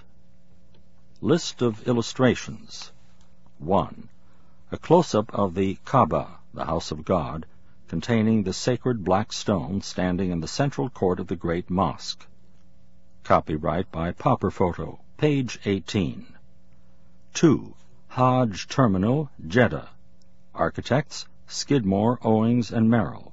Photo, R. Gounet, reproduced by kind permission of the Aga Khan Trust for Culture. Page 19. 3. An illuminated page from the Quran, example of Naskhi script. Copyright by World of Islam Festival. Page 25. 4. Haram al-Sharif, Dome of the Rock, and Al-Aqsa Mosque. Photo by I. Awad, reproduced by kind permission of the Aga Khan Trust for Culture. Page 50. 5. Sufis performing the Dhikr near Omdurman. Reproduced by kind permission of Trevor Mostyn. Page 64. 6. Demonstrations after Shah's departure, 20 January 1979. Copyright Gamma slash Frank Spooner Pictures, photographer A. Mingham, page 70. 7. Aerial view of Damascus. Photo by I. Serageldin and S. L. Sadek in The Arab City, page 96. Found on page 87 of this book. Page Roman 9. 8. Detail of Mashrabiyah. Photo by S. Angawi, reproduced by kind permission of the Aga Khan Trust for Culture. Page 105. 9. Veiled Woman. Copyright Popper Photo. Page 110. 10. Great Mosque of Niono, Mali. Master Mason, Lassina Minta. Photo K. Adel, reproduced by kind permission of the Aga Khan Trust for Culture. Page 119. 11. Islamic Society of North America. Architect Gulzar Haider. Photo G. Haider, reproduced by kind permission of the Aga Khan Trust for Culture. Page 120. 12. Dervishes from a 17th century manuscript. Copyright Weidenfeld and Nicolson Limited. Page 122. 13. Hizbullah logo page 133. Page Roman 10 is blank. Page Roman 11. List of maps. 1. Muslims in the world. Page Roman 12. 2. The rise and spread of Islam. Page Roman 13. 3. A Mecca-centric world. Page Roman 14 page Roman 12. This map shows Muslims in the world in various shades of gray. The darker the shade, the greater the percentage of national population that is Muslim. Parts of the world with more than 90% of the population Muslim include countries of West and North Africa that border the Atlantic and the Mediterranean, from Mauritania in the west to Egypt in the east, most of the countries of the Middle East and Southwest Asia, Bangladesh, and Indonesia. Countries in the 50 to 90 percent range include the countries of the Sahel region below the Sahara Desert, Somalia and Tanzania in East Africa, Syria, countries south of Russia such as Tajikistan and Kazakhstan, and Malaysia. Countries in the 25 to 50 percent range are located in Africa. They include the Ivory Coast, Cameroon, Ethiopia, Kenya, Uganda, and Madagascar. The 5 to 10 percent range covers India, China, and much of continental Southeast Asia. The rest of the world is in the 0 to 5 percent range page Roman 13. The map on this page shows the rise and spread of Islam. The expansion of Islam from 632 to 644 occurred in an area stretching from Herat in present-day Afghanistan in the east to Antioch and Egypt in the west. The expansion of Islam from 644 to 750 moved both eastward and westward, eastward up to the Indus River and westward into North Africa and Spain. Page Roman 14. On this page is a map of a Makka-centric world. Makka, here spelled M-A-K-K-A, is shown at the center.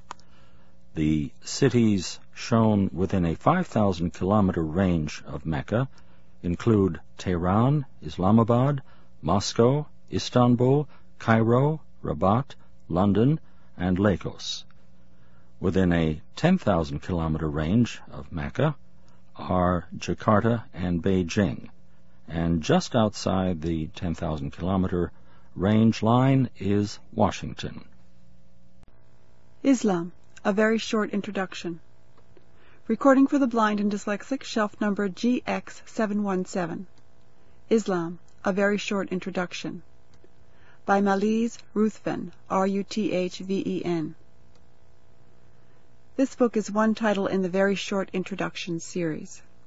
Produced by the volunteers of RFB&D of Metropolitan Washington through the generosity of our donors and with the kind permission of the publisher, Oxford University Press, New York. Published in 2000. Copyright 1997 by Malise Ruthven. The content of this book is protected by U.S. copyright law and may be used only by registered RFB&D members who have provided evidence of a print disability. Copying, sharing, or redistributing this audio book is strictly prohibited. When you have finished this book, please return it to RFB&D in the pre-printed CD sleeve provided. The table of contents begins on page Roman 7. The first indexed page number is page 1, chapter 1. Malise Ruthven is a lecturer in comparative religion, specializing in Islamic affairs at the University of Aberdeen. His previous publications include Islam in the World and the Divine Supermarket, Shopping for God in America. Navigation Guide. This book is digitally indexed for page and heading navigation, using two levels of heading navigation.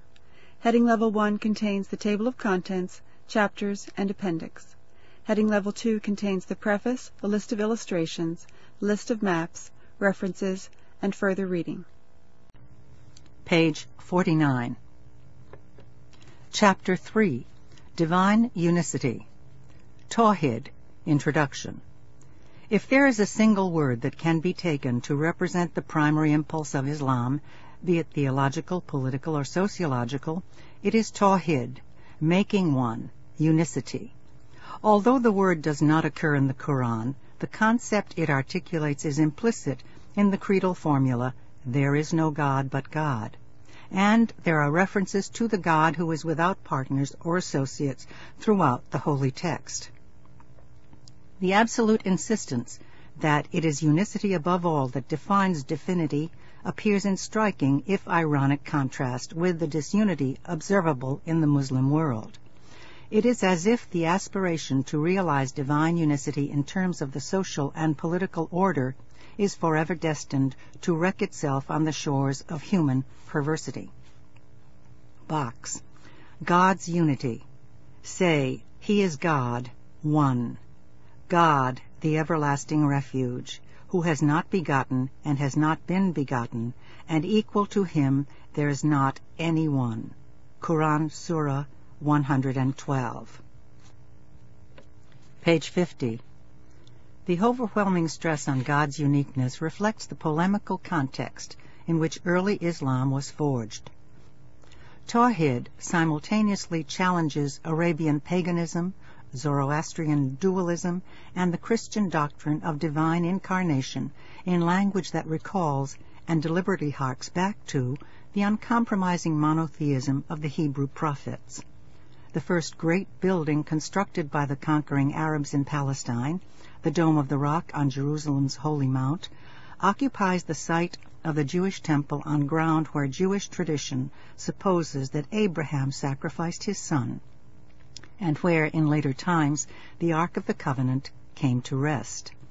The exquisite octagonal building with its marble cladding and golden dome is decorated with Quranic inscriptions proclaiming God's unity and Muhammad's prophethood. The same inscriptions appear on the coinage minted by its builder, the Caliph Abd al-Malik, ruled 685 to 705. The new shrine is close to the spot from where Muhammad is supposed to have ascended to heaven on his night journey when, according to Islamic tradition, he was received by Abraham and Moses and taught the duties of prayer. The shrine is dedicated to the religion of Abraham. It replaces and supersedes the Temple of Solomon and mounts a direct challenge to Christianity, the imperial faith of Byzantium. Illustration number four. The Dome of the Rock and Al-Aqsa Mosque in Jerusalem, a masterpiece in the Byzantine style. The Dome of the Rock proclaimed the unity of God while celebrating the triumph of Islam over Christianity. Return to text. Page 51. The First Sectarian Divisions. Box. Chart of Muhammad's family. Abd al-Manaf in the first level. On the second level goes down to Abd Shams, who then goes down to Umayyah, who leads down to Umayyad caliphs. On the other side is Hashim, who leads down to Abd al-Muttalib, who leads down to Al-Abbas Abdullah Abu Talib, and each of these leads down in succession to Abbasid caliphs, Fatima, Ali, and then there is a, another category, Shi'i imams. This is from the Albert Hourani, A History of the Arab Peoples, Cambridge, Massachusetts, Harvard University Press, 1991. Return to text. Unity of empire is the reflection of divine unity, a unity com- compromised by the errors of the Jews and the false doctrines, divine incarnation, vicarious atonement for sin, of the Christians. Yet, from the very first, according to Islam's sacred narrative, that terrestrial unity is compromised by the Muslims themselves. Muhammad's death in 632 Christian era creates a crisis of authority that has never been resolved. Abu Bakr, his close companion and father of his favorite wife Aisha, is elected leader in Medina, following Arab tribal custom. The claims of Ali, Muhammad's cousin and son-in-law, his closest male relative, are bypassed on this and two subsequent occasions. Page 52. Only after, after the death of Uthman does Ali come into what his partisans, Arab Shia, regard as his lawful inheritance. But by now it is too late. Ali's leadership is contested and he fails to impose his authority over the whole community. The garrisons based in Iraq support him.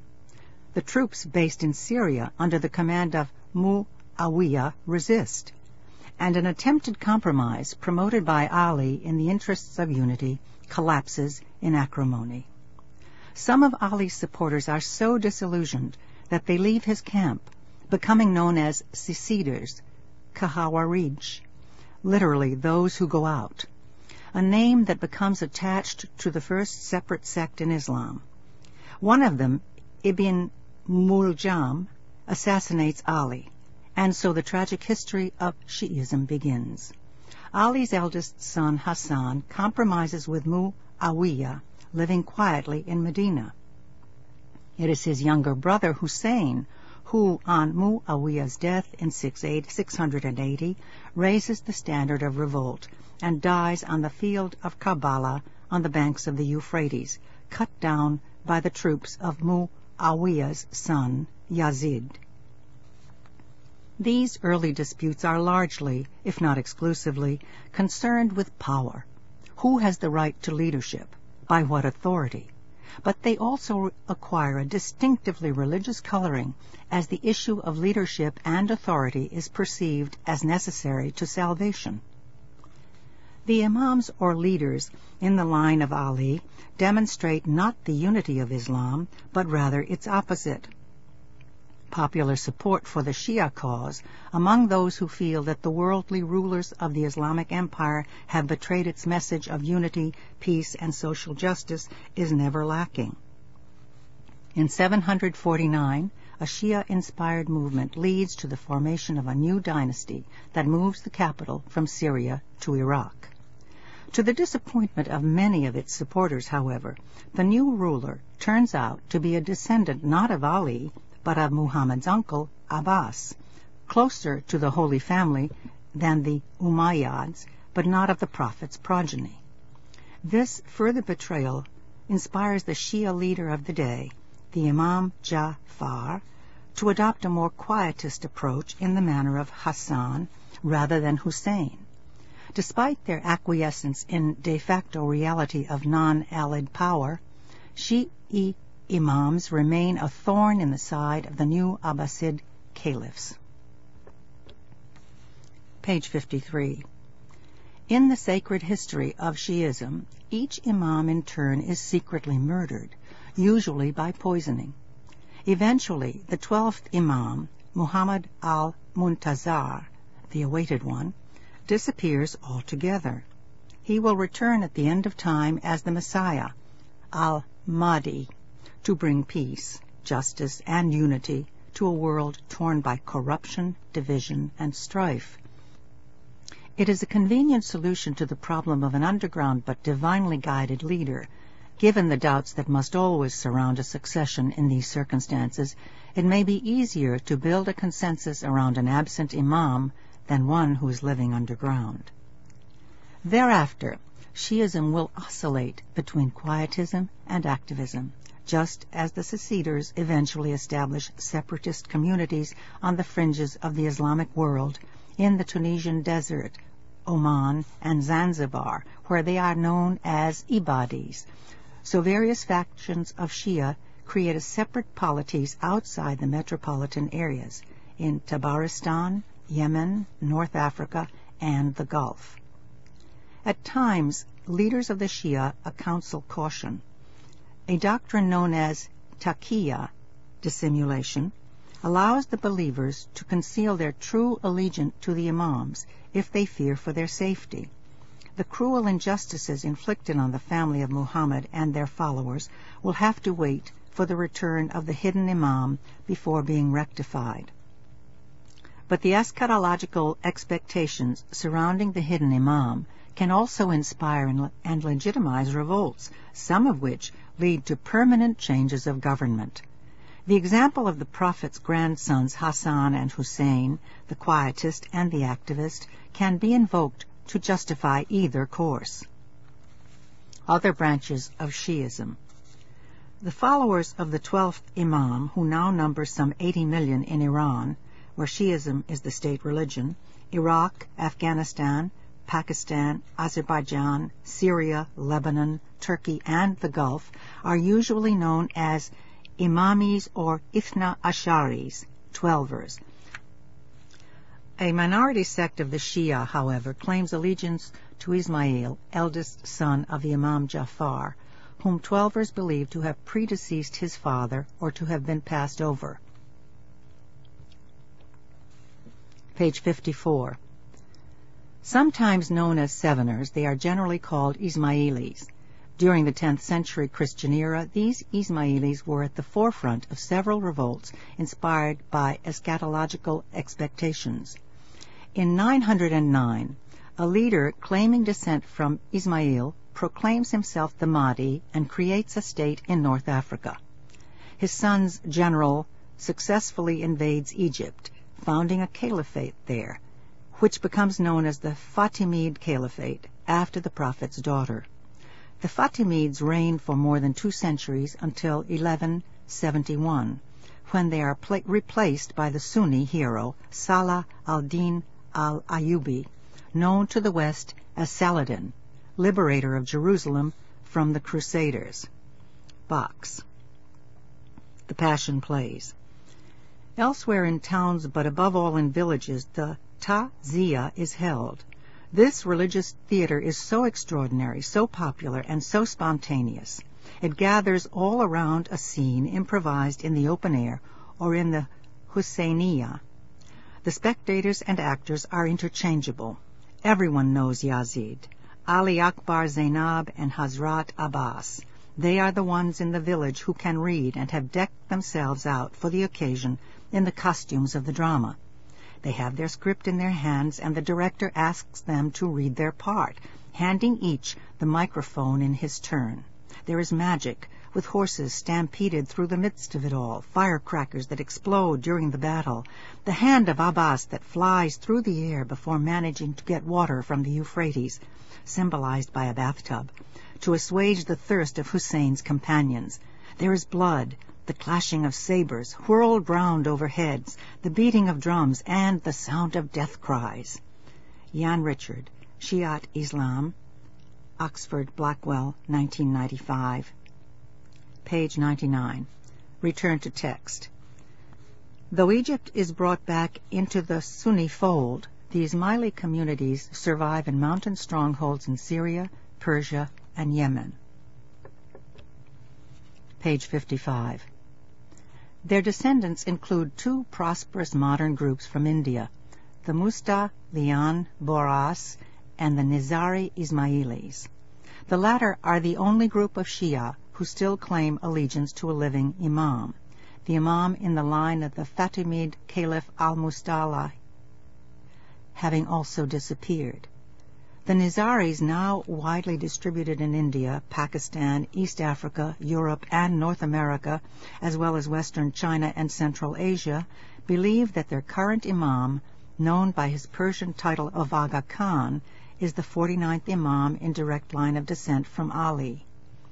Another important branch of the Shia allegiance are the Zaydis of Yemen, numbering some three millions, who recognize Zayd ibn Ali, grandson Hussein, who died at Karbala, instead of his brother Muhammad al-Baqir as fifth Imam.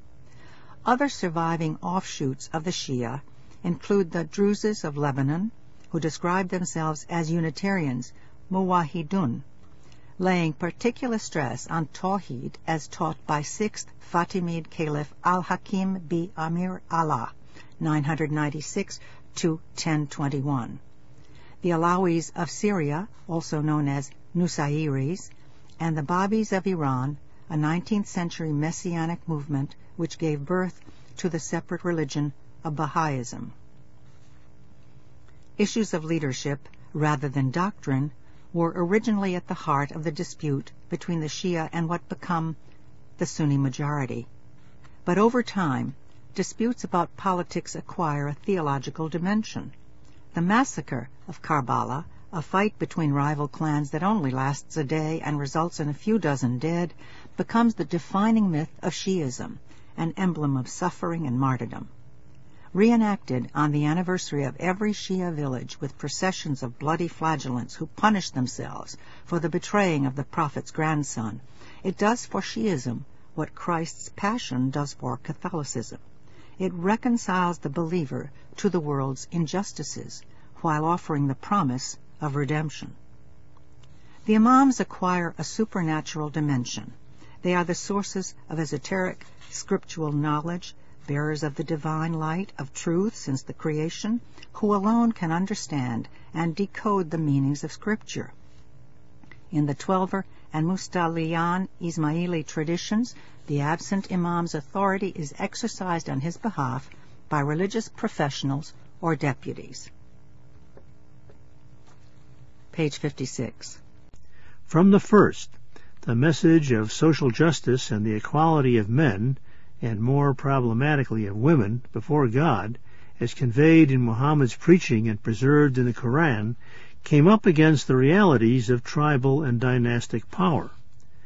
The civil wars that occurred within a generation of the Prophet's death in 632, the split between Sunni and Shia, the collapse of the Arab Empire, and the political fragmentation that occurred in its wake, all of these historical events bear witness to an unfulfilled project, the establishment of divine government on earth.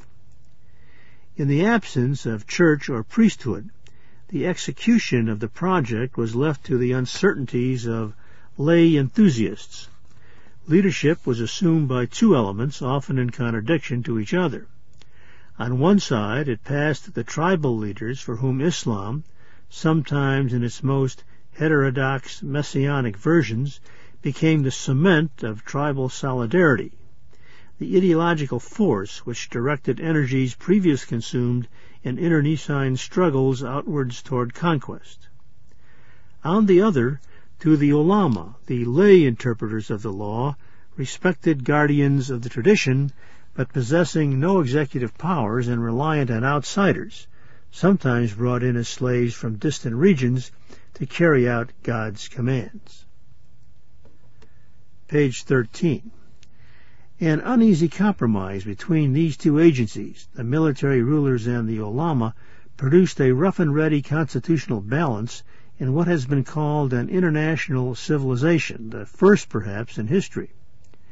As Marshall Hodgson argued with passion and conviction, the venture of Islam did much to satisfy the needs of peoples in the urban regions lying between the Nile and Oxus rivers by facilitating the emergence of a common trading area based on the shared values of justice and fair dealings with God.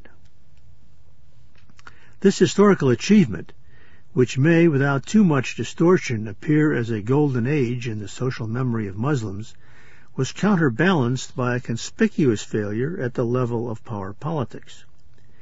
After its initial expansion, the Arab Empire imploded, Islam's central institution, the Caliphate, at first contested by rival factions, was gradually drained of legitimacy as the Caliph, the shadow of God on earth, became the prisoner of palace guards recruited from the tribes.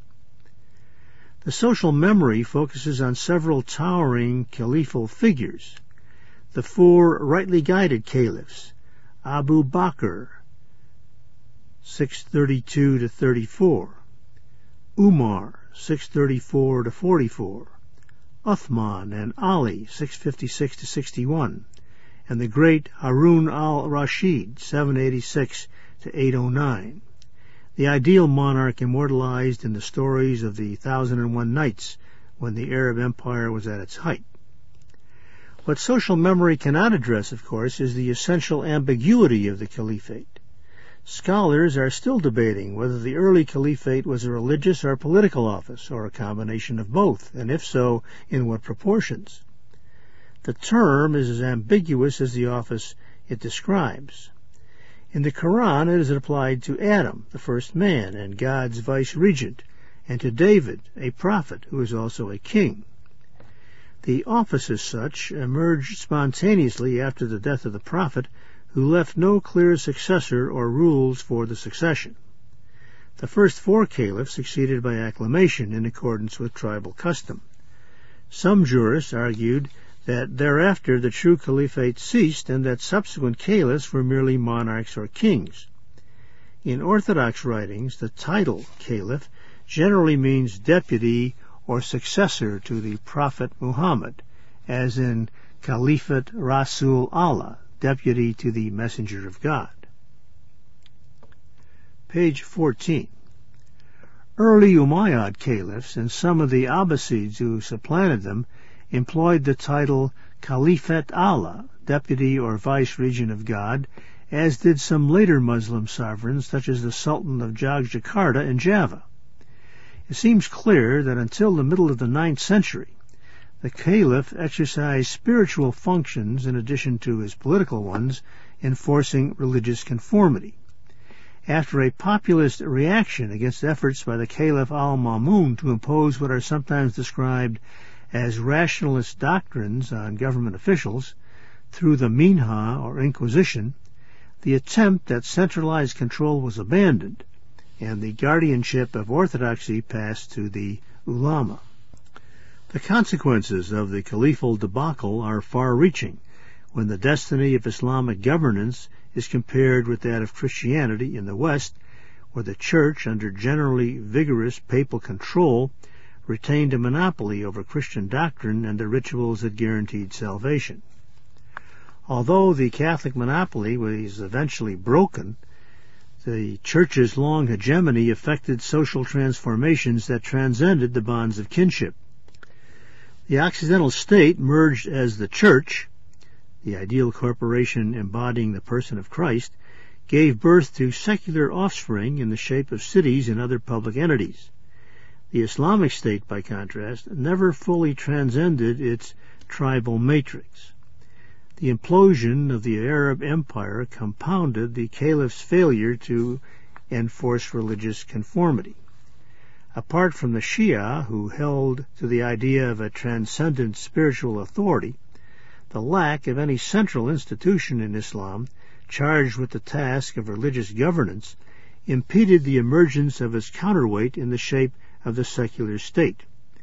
The law developed separately from the agencies entrusted with its enforcement, and so military tribal rule became the norm. As Patricia Crone and Martin Hinds have argued, a ruler who has no say at all in the definition of the law by which his subjects have chosen to live cannot rule those subjects in any but a purely military sense. To perpetuate itself, such a state must be manned by outsiders, and it is as outsiders, not as representatives of the community, that the rulers are obeyed. Page 15. Although there was an element of consensus in this relationship, there was also, as Crone and Hinds point out, a total lack of institutional machinery behind it. Ellipsis. The state was thus something which sat on top of society, not something which was rooted in it, and given that there was minimal interaction between the two, there was also minimal development. Dynasties came and went, but it was only the dynasties that changed. This formulation may exaggerate the degree of political immobility in Muslim states, but it makes an important point about the relationship between the state and civil society in Muslim lands prior to the modern period, roughly from the 19th century, when Muslim rulers became aware of the need to introduce changes into their societies in order to face the military and economic challenges posed by the West. A religious awakening However much the experts may disagree on its long-term political implications, the resurgence of Islamic observance in daily life, increasing attendance at mosque, observance of fasting during Ramadan, a proliferation of religious publications in print and audiovisual media, and increasing emphasis on Islamic dress in many parts of the world, especially for women, is undeniable. Two of the factors most frequently cited in explanation are the unprecedented scale of urbanization and the failure of the post-colonial state to deliver on its promises. Migration to the cities means both the loss of village life, where extended family networks reinforce traditional social values, and exposure to modern urban life with its westernized customs. On the political level, the collapse of communism and the failure of Marxism to overcome the stigma of atheism makes Islam seem an attractive ideological weapon against post-colonial regimes perceived as corrupt and authoritarian and sometimes tyrannical. In countries lacking effective democratic institutions, the mosque and the network of activities surrounding it can enjoy a degree of immunity. If governments dare to close down rebel mosques, they confirm the charges of disbelief leveled against them by their opponents. Page 16. The explosion of information technology, and particularly the revolution in audio-visual communication, undercuts the authority of the literate elites while exposing ever-growing numbers of people to transgressive and often salacious images created by the Western entertainment and advertising industries. In many countries, an exponential leap in the rate of urbanization has decisively altered the cultural and demographic balance between urban and rural populations, creating a vast new proletariat of recently urbanized migrants susceptible to the messages of populist preachers and demagogues. In countries such as Egypt, the Islamic political movements, through their welfare organizations, have been able to fill the gaps caused by government failure to deal with poverty and housing shortages, as well as other social problems caused by over-rapid urbanization. Or a spiritual vacuum. In pre-modern times, before the colonial period, Islamic societies were bound together not only by family and clan solidarities, but by the mystical Sufi brotherhoods, in which most adult male members in urban societies belonged. See Chapter 4.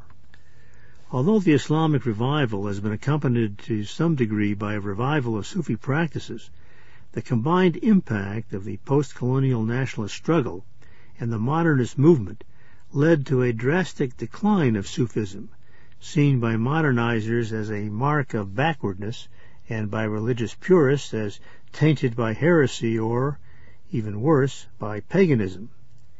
Yet, in the absence of a priesthood, the Sufi sheikhs, old men, murshids, spiritual guides, or peers, as they are known in Persian and Urdu-speaking lands, were a source of spiritual authority that complemented and sometimes exceeded the intellectual authority of the ulama. Though some Sufi brotherhoods took a leading part in the anti-colonial struggles, others collaborated with the colonial authorities. Page 17. The latter saw them as allies against the modernists and reformers who pioneered the modern nationalist movements. Sufism, with its vision of union and oneness, its ascetical, other-worldly orientation, and its concern with the esoteric dimensions of the faith transcends the mundane particularities of politics and the inevitably corrupting effects of power. Peter von Sivers, a leading American scholar, links the rise of the modern political movements in Islam directly to the decline of Sufism which many would see as the spiritual heart and soul of Islam. The exclusion of Sufism from the debate between secular-minded reformists and their religiously oriented opponents makes for an increasingly arid confrontation between violent extremes. Conclusion, Islam and Islamism. The religious revival in modern Islam is a reflection of the pace of social and technological change in the Muslim world, particularly the disruptive effects of a rapid increase in urbanization. In this respect, the causes are similar to those in Latin America and parts of sub-Saharan Africa, where the late 20th century has seen a massive increase in the activities of Protestant churches. However, the increase in Islamic observances evidenced by such indicators as prayer, fasting, and attendance at the Hajj, the annual pilgrimage to Mecca, is inevitably associated with the political aspirations of Muslims, most of whom live in post-colonial states run by governments perceived as lacking in moral or spiritual authority. The rise of mass education and, increasingly, the appearance of audio-visual modes of communication has led to a decline in traditional sources of religious authority among both the ulama and the leadership of the Sufi brotherhoods. The gap has been filled by a variety of movements and leaders, all of whom claim a religious legitimacy for their acts. There are many historical precedents for movements of religious revival challenging and sometimes taking power in Islamic countries before the Increasingly, the carriers of religious knowledge are those who claim a strong Islamic commitment, as is the case with many educated urban youths freed from traditional patterns of learning and scholarship, which have often been compromised by state control, religious knowledge is increasingly interpreted in a directly political fashion. Page 133. Urbanization and its effects. A figure on this page is entitled The Logo of the Lebanese Hezbollah the Party of God, reflects a blend of religion and revolutionary agitprop common to most Islamic movements. Return to text. As numerous studies have shown, migration from the countryside to the city often leads to an increase in religiosity, as a more intense and self-conscious style of religious observance compensates for the more relaxed rhythms of village life page 134. The recently urbanized underclasses are particularly susceptible to the messages of populist preachers. At the same time, the Islamist movements earn respect and gratitude by providing a network of welfare services able to fill the gaps caused by government shortfalls. Restrictions on government spending imposed by the International Monetary Fund have tended to exacerbate housing and welfare problems by forcing cuts in social spending, leading to the withdrawal of the state from some areas and its replacement by Islamic welfare organizations and charitable associations. Such voluntary organizations have found generous sources of funds in Saudi Arabia and the Gulf. The Islamic financial sector, though tainted by the massive losses sustained by investors in Egypt, provides employment opportunities and an avenue for building networks of patronage, religious orthodoxy, and political mobilization, able to compensate for the disappearance of older communal bonds and patronage networks. With rapid urbanization and the growth of slums and shanty towns, the old systems have ceased to function as shakas and notables, local and party bosses, have become detached from their previous clients. The former nationalist rhetoric, whether Nasserist or Ba'athist, has been discredited. Quote, it is into this vacuum of organization and power, writes Sami Zubaida, that the Islamic groups have stepped to impose their authority and discipline. The organization they impose is not one of popular participation. The activists and militants remain in charge, and the common people to whom they provide services against modest payments are considered as subjects of ethical reform to be converted to orthodox conformity and mobilized in political support. The international dimension. Though Islamist movements have usually been inspired by local conditions, the international factors should not be ignored. Veterans of the Afghan war against the Soviet occupation formed the core of armed and trained Islamist groups in Algeria, Yemen, and Egypt. At the height of the Afghan war, there are said to have been between 10 and 12,000 mujahideen from Arab countries financed from mosques and private contributions in Saudi Arabia and the Gulf states. Page 135. Many of them, ironically, are reported to have been trained by the CIA. Saudi influence also operates at the religious or ideological level. Many of the Islamists active in Egypt and Algeria spent time in Saudi Arabia as teachers or exiles, where they became converted to the rigid, puritanical version of Islam practiced in that country. Thus, the FIS leader in Algeria, Ali Ben Hajj, far from operating within the regional Maliki school of jurisprudence, which allows for considerable latitude of interpretation, quote, in the public interest, quote, has tried to impose the rigid tenets of the Hanbali school prevailing in Saudi Arabia on the leadership of the now banned FIS. Everywhere, Islamization policies, whether imposed from above by governments or applied locally from below, have led to restrictions on the rights of women and religious minorities, as modernist interpretations have given ground to more traditionalist attitudes. The tendency to articulate political aims in Islamic terms found constituencies in newly urbanized migrants whose understandings were typically formed in rural village milieu by mullahs or ulama with minimal access to modernist influences. Consequently, the modernist tendency which formed an important strand in the discourse of Ab- Abduh Qutb Banna and even to a lesser extent Maududi tends to wither before the traditionalism of the recently mobilized masses. This has by no means happened everywhere, however. In Central Asia, the people generally re- rejected the Islamist alternative after the collapse of the Soviet Union, despite a resurgence of Islamic activity among the young and a revival of Islamic education in schools and colleges. While Russian manipulation partly accounted for the return of the old communist nomenclaturas under new nationalist labels, it is also clear that in societies where literacy is universal, a consensus in favor of Islamic forms of government is conspicuously absent.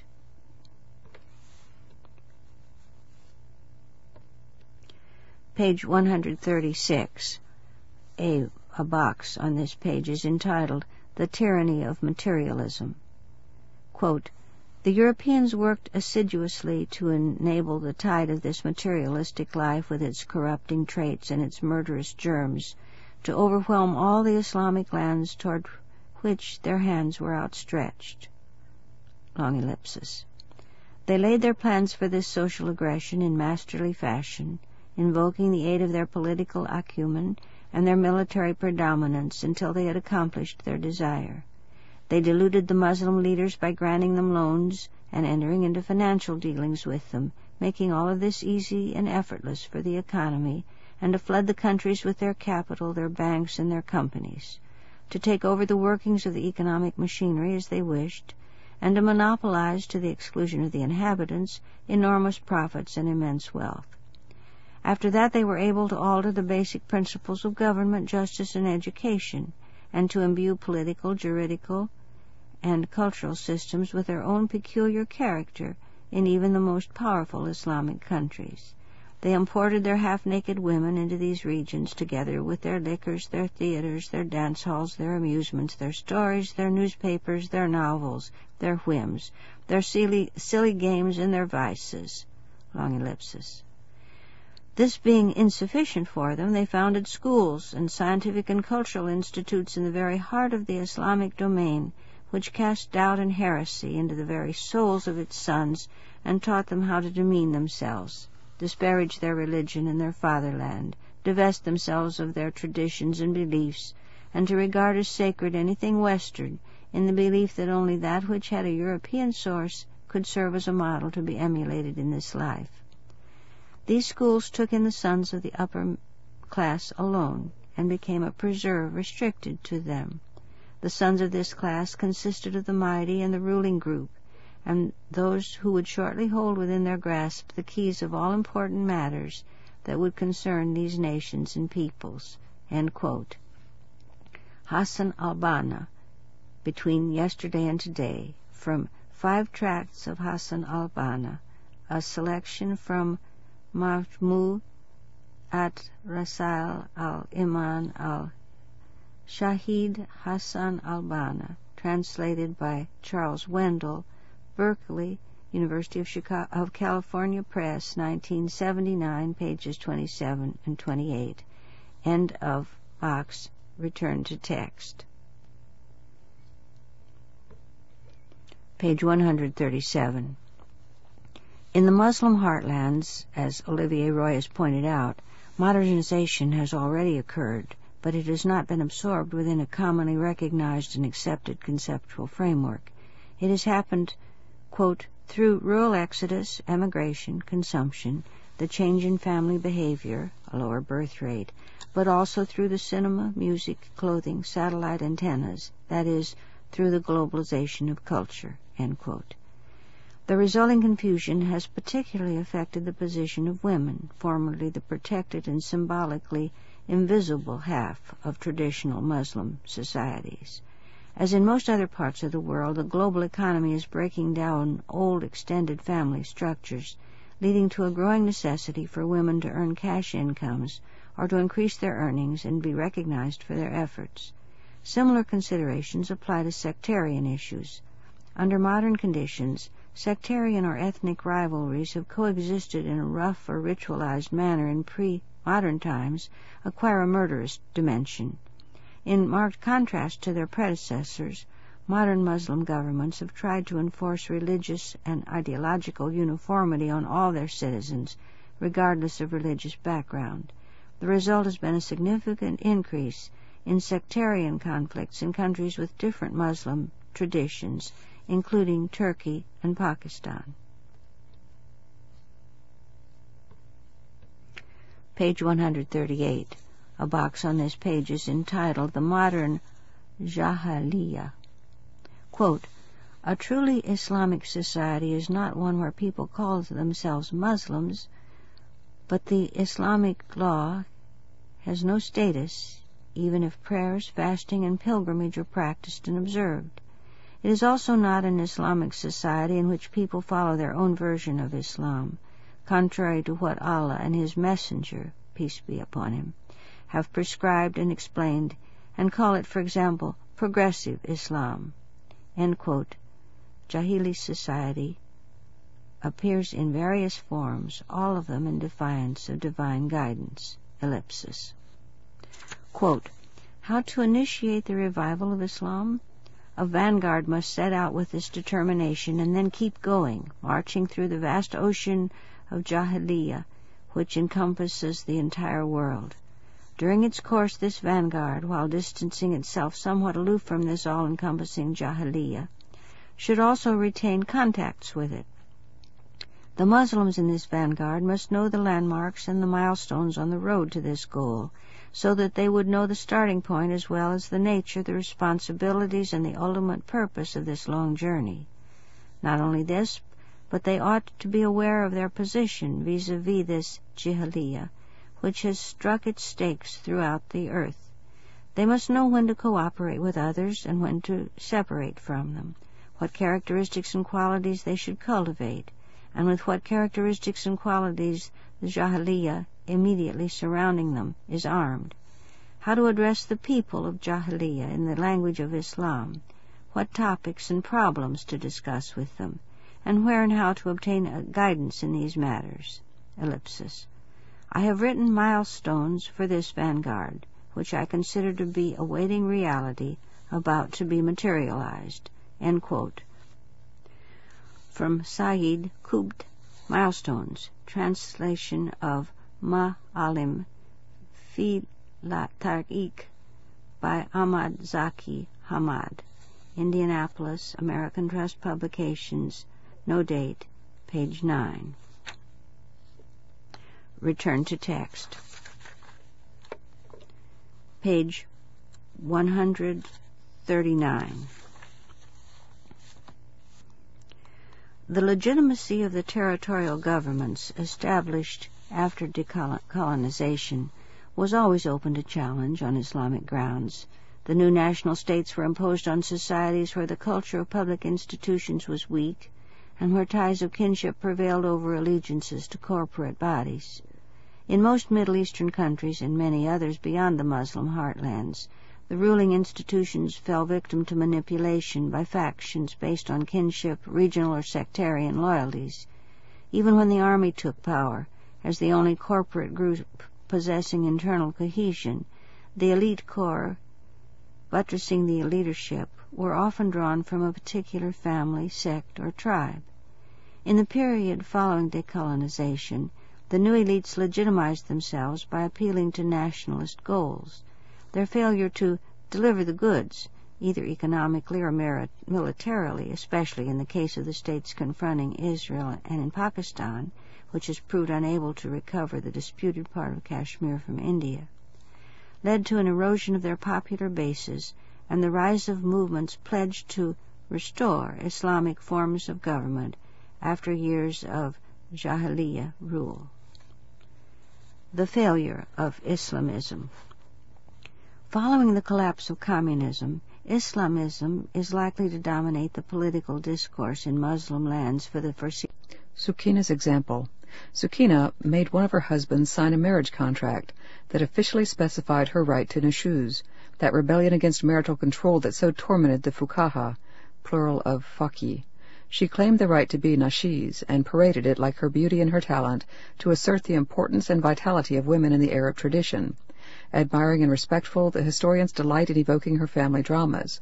For instance, the case she brought against one of her husbands, who had violated the rule of monogamy that she had imposed on him in the marriage contract. Dumbfounded by the conditions in the contract, the judge nevertheless was obliged to hear the case, with his own wife attending this trial of the century, and the caliph sending him an emissary to keep him au courant with the course of the trial. Fatima Mernissi, Women and Islam, An Historical and Theological Inquiry translated by Mary Jo Lakeland, Oxford, Blackwell, 1991, 192. Return to text. Marriage in Islam is contractual, and given that contracts are negotiable, reformers and modernizers have argued that legal imbalances can be countered by specific contractual provisions. For instance, by following the example of the Prophet Muhammad's great-granddaughter Sukina bint Hussein, who stipulated that her husband remain monogamous. However, not all the legal schools accept the woman's right to set the terms of the contract in this way, and in any case her ability to do so is likely to be contingent on the power and status of her family. Page 99.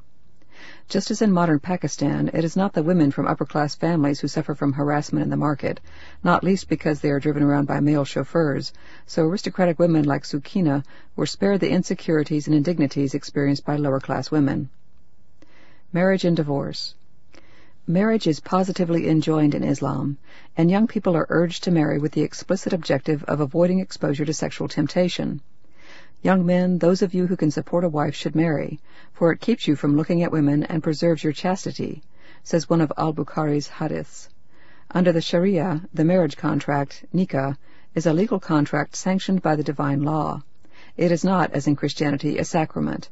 According to most legal authorities, the woman's wali, or guardian, usually her father, enters into the marriage on her behalf, and most agree that a virgin may be forced to marry a man of her father's choice. Only the Shia view the woman as a full legal entity co-equal with her male counterpart. A Muslim woman's interest is supposed to be secured by the mahr, or dowry provided by her husband, a sum of money or its equivalent in household goods and chattels, which remains in her possession should her husband initiate divorce the husband has the right of divorce by talaq, repudiation or unilateral declaration. He must pronounce the formula, I divorce you, three times. The first two declarations are followed by the so-called iddah, or waiting period of three menstrual cycles, to ensure that the woman is free from pregnancy, or if pregnant, to ensure the husband's paternity. During this period, family and friends are encouraged to effect a reconciliation. If this fails, the third declaration finalizes the divorce, without recourse to a court. A man will usually have custody of his children beyond the age of seven for boys or nine for girls. If the wife initiates divorce, a procedure known as khul, she sacrifices her mahr or dowry. Page 100. Muslim men are permitted to marry non-Muslim women from the people of the book, that is, Jews and Christians. The reverse does not apply. Contemporary Muslim writers, such as Dr. Yusuf al-Qaradawi, argue that the lack of symmetry in this respect is based on the presumption that the man is head of the household. Whereas Muslims are bound to respect the religious rights of Christian and Jewish wives, there is no guarantee that Jewish or Christian husbands will safeguard a Muslim wife's freedom of worship. Other observers, however, see the rule as an unambiguous assertion of Muslim supremacism. A Lebanese anthropologist, Fuad Khuri, notes that the same pattern, whereby the dominant caste allows its sons but not its daughters to marry outside the group, prevails among Lebanon's divided communities. Where Shia predominate, Shi'i men may marry Sunni women, but not vice versa. Where Sunnis are dominant, the converse applies. Box. The submissive wife. It is not lawful for a woman who believes in Allah to allow anyone in her husband's house while he dislikes it. She should not go out of the house if he dislikes it, and should not obey anyone who contradicts his orders. She should not refuse to share his bed, meaning that she should not deny him sexual access when he desires it. Translator. She should not beat him in case she is stronger than he. If he is more in the wrong than she, she should plead with him until he is reconciled. If he accepts her pleading, well and good, and her plea will be accepted by Allah. While if he is not reconciled with her, her plea will have reached Allah in any case. Hadith reported by Al-Hakim, quoted in Qaradawi, 204. Return to text.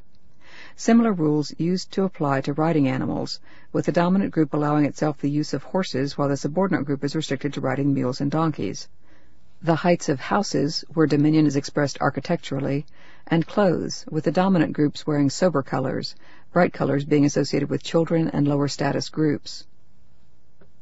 Page 101. Temporary marriage. Patriarchal assumptions pervade the Sharia as interpreted by most traditionalists a man's right to sexual satisfaction is divinely instituted. The wife does not have the right to refuse her husband's sexual demands. Among the Twelver Shia, men's sexual privileges are taken a stage further with the temporary marriage contract, mut'a or sige, which may be signed for a fixed period of time ranging from one hour to 99 years. While critics see the institution as a form of legalized prostitution, leading figures in the Islamic Republic of Iran have actively promoted it, arguing that it constitutes an ethically and morally superior alternative to the free relations between the sexes prevalent in the West. Islam and Sexuality There is no monkery in Islam, runs a well-known hadith. Copulate and procreate, runs another, for I shall gain glory from your numbers at the day of judgment. Unlike the virginal Jesus, the Prophet of Islam is celebrated as enjoying not just the company of women, but the pleasures of sex. After Khadija's death, he is said to have married at least nine women, probably as many as thirteen. Hadiths proclaim his virility. One in al-Bukhari's collection claims he had intercourse with nine of his wives in a single night. Christian polemicists used such images to depict the Prophet as a monster of sensuality. Modern Muslim apologists have reacted defensively, insisting that Muhammad's marriages were either political, aimed at cementing tribal alliances, or designed to provide social security for the women, several of whom were widows. While both these explanations are convincing in the context of a pastoral nomadic society, where polygamy was the norm, they need not exclude the image of Muhammad as the ideal typical charismatic leader, a figure classically associated with sexual prowess. Page 102. Another example is the polygamous Mormon prophet Joseph Smith, However, the presence of such stories in the literature probably tells us as much about the expectations surrounding leadership as anything that can be factually determined about Muhammad's personal predilections. His sexuality, like that of Christ, opens up a range of interpretive possibilities. Setting aside the historical question, his multiple marriages testify to a positive attitude toward human sexuality, which contrasts strikingly with the asceticism of the early Christian Church. At the core of its vision, according to the Tunisian scholar Abdul Wahab Bouhdiba, Islam reflects a lyrical view of life. Box. A foretaste of paradise. Sexual desire as a manifestation of God's wisdom has, independently of its manifest function, another function. When the individual yields to it and satisfies it, he experiences a delight which would be without match if it were lasting. It is a foretaste of the delights secured for men in paradise, because to make a promise to men of delights they have not tasted would be ineffective. Ellipsis. This earthly delight, imperfect because limited in time, is a powerful motivation to incite men to try and attain the perfect delight, the eternal delight, and therefore urges men to adore God so as to reach heaven. Therefore the desire to reach the heavenly delight is so powerful that it helps men to persevere in pious activities in order to be admitted to heaven.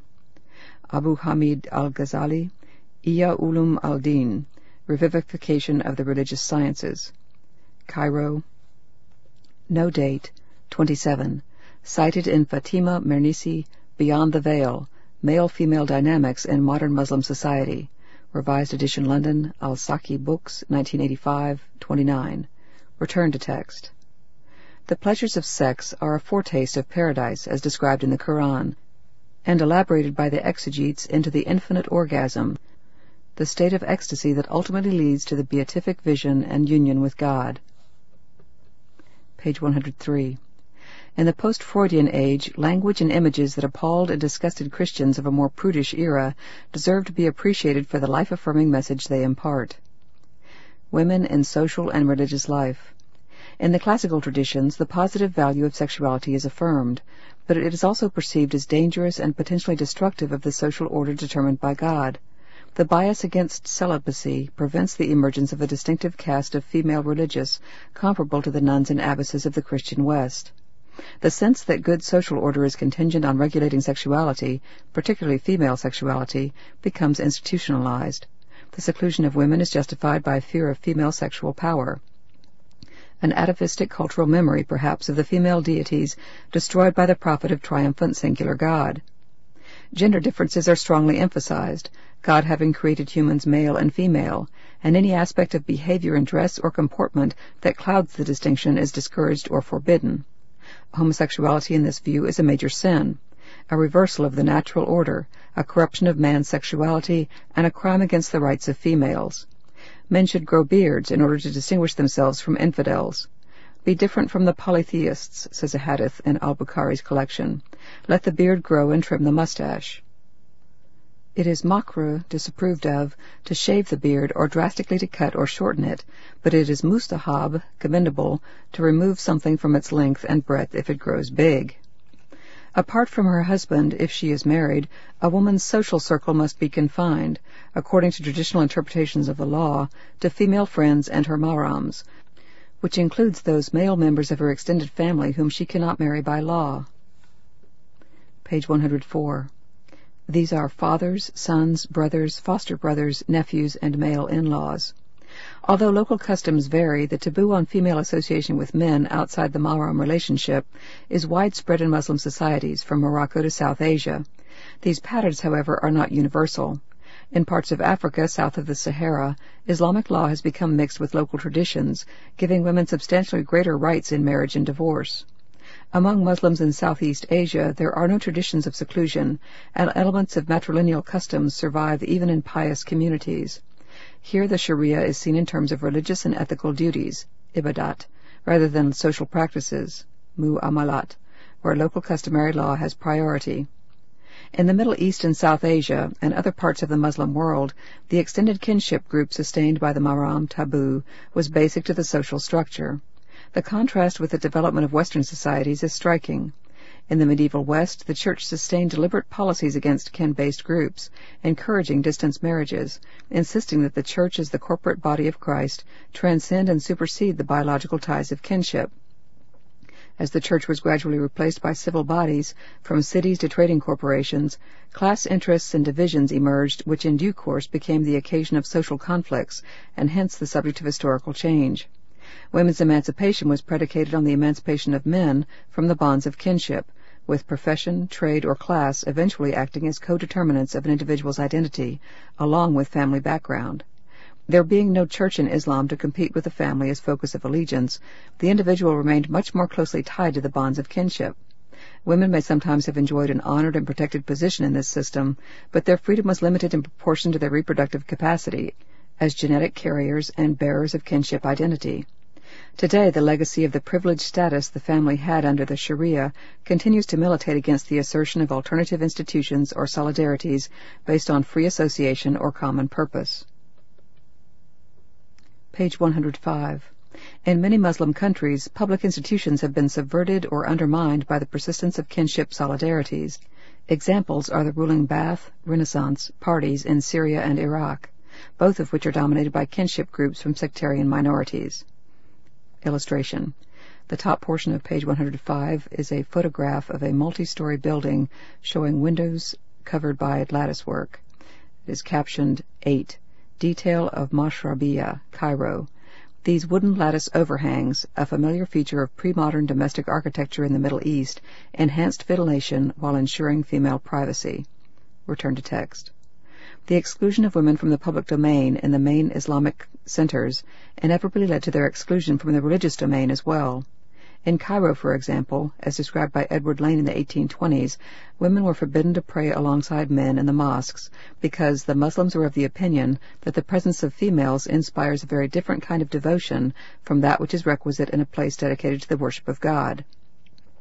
Female exclusion was reinforced by pollution taboos over menstruation, childbirth, and contact with young children. The Hadith collections contain detailed sections on ritual impurities, and it is generally women who are disadvantaged by the rules. Page 106. Women participate in some Sufi practices and are often associated with visits to the tombs of saints or friends of God, activities often disapproved of by the ulama. In the more tradition-bound sections of society, female religiosity is more likely to find expression in activities disapproved of by the pious, such as the zar or spirit possession cults still widespread in Egypt and North Africa. Significantly, these spirits are now said to be forcing their hosts to resist the veil. Baladi, country women, ordered to cover themselves in accordance with Islamist demands, are possessed by spirits which cause them to fall sick if they do so.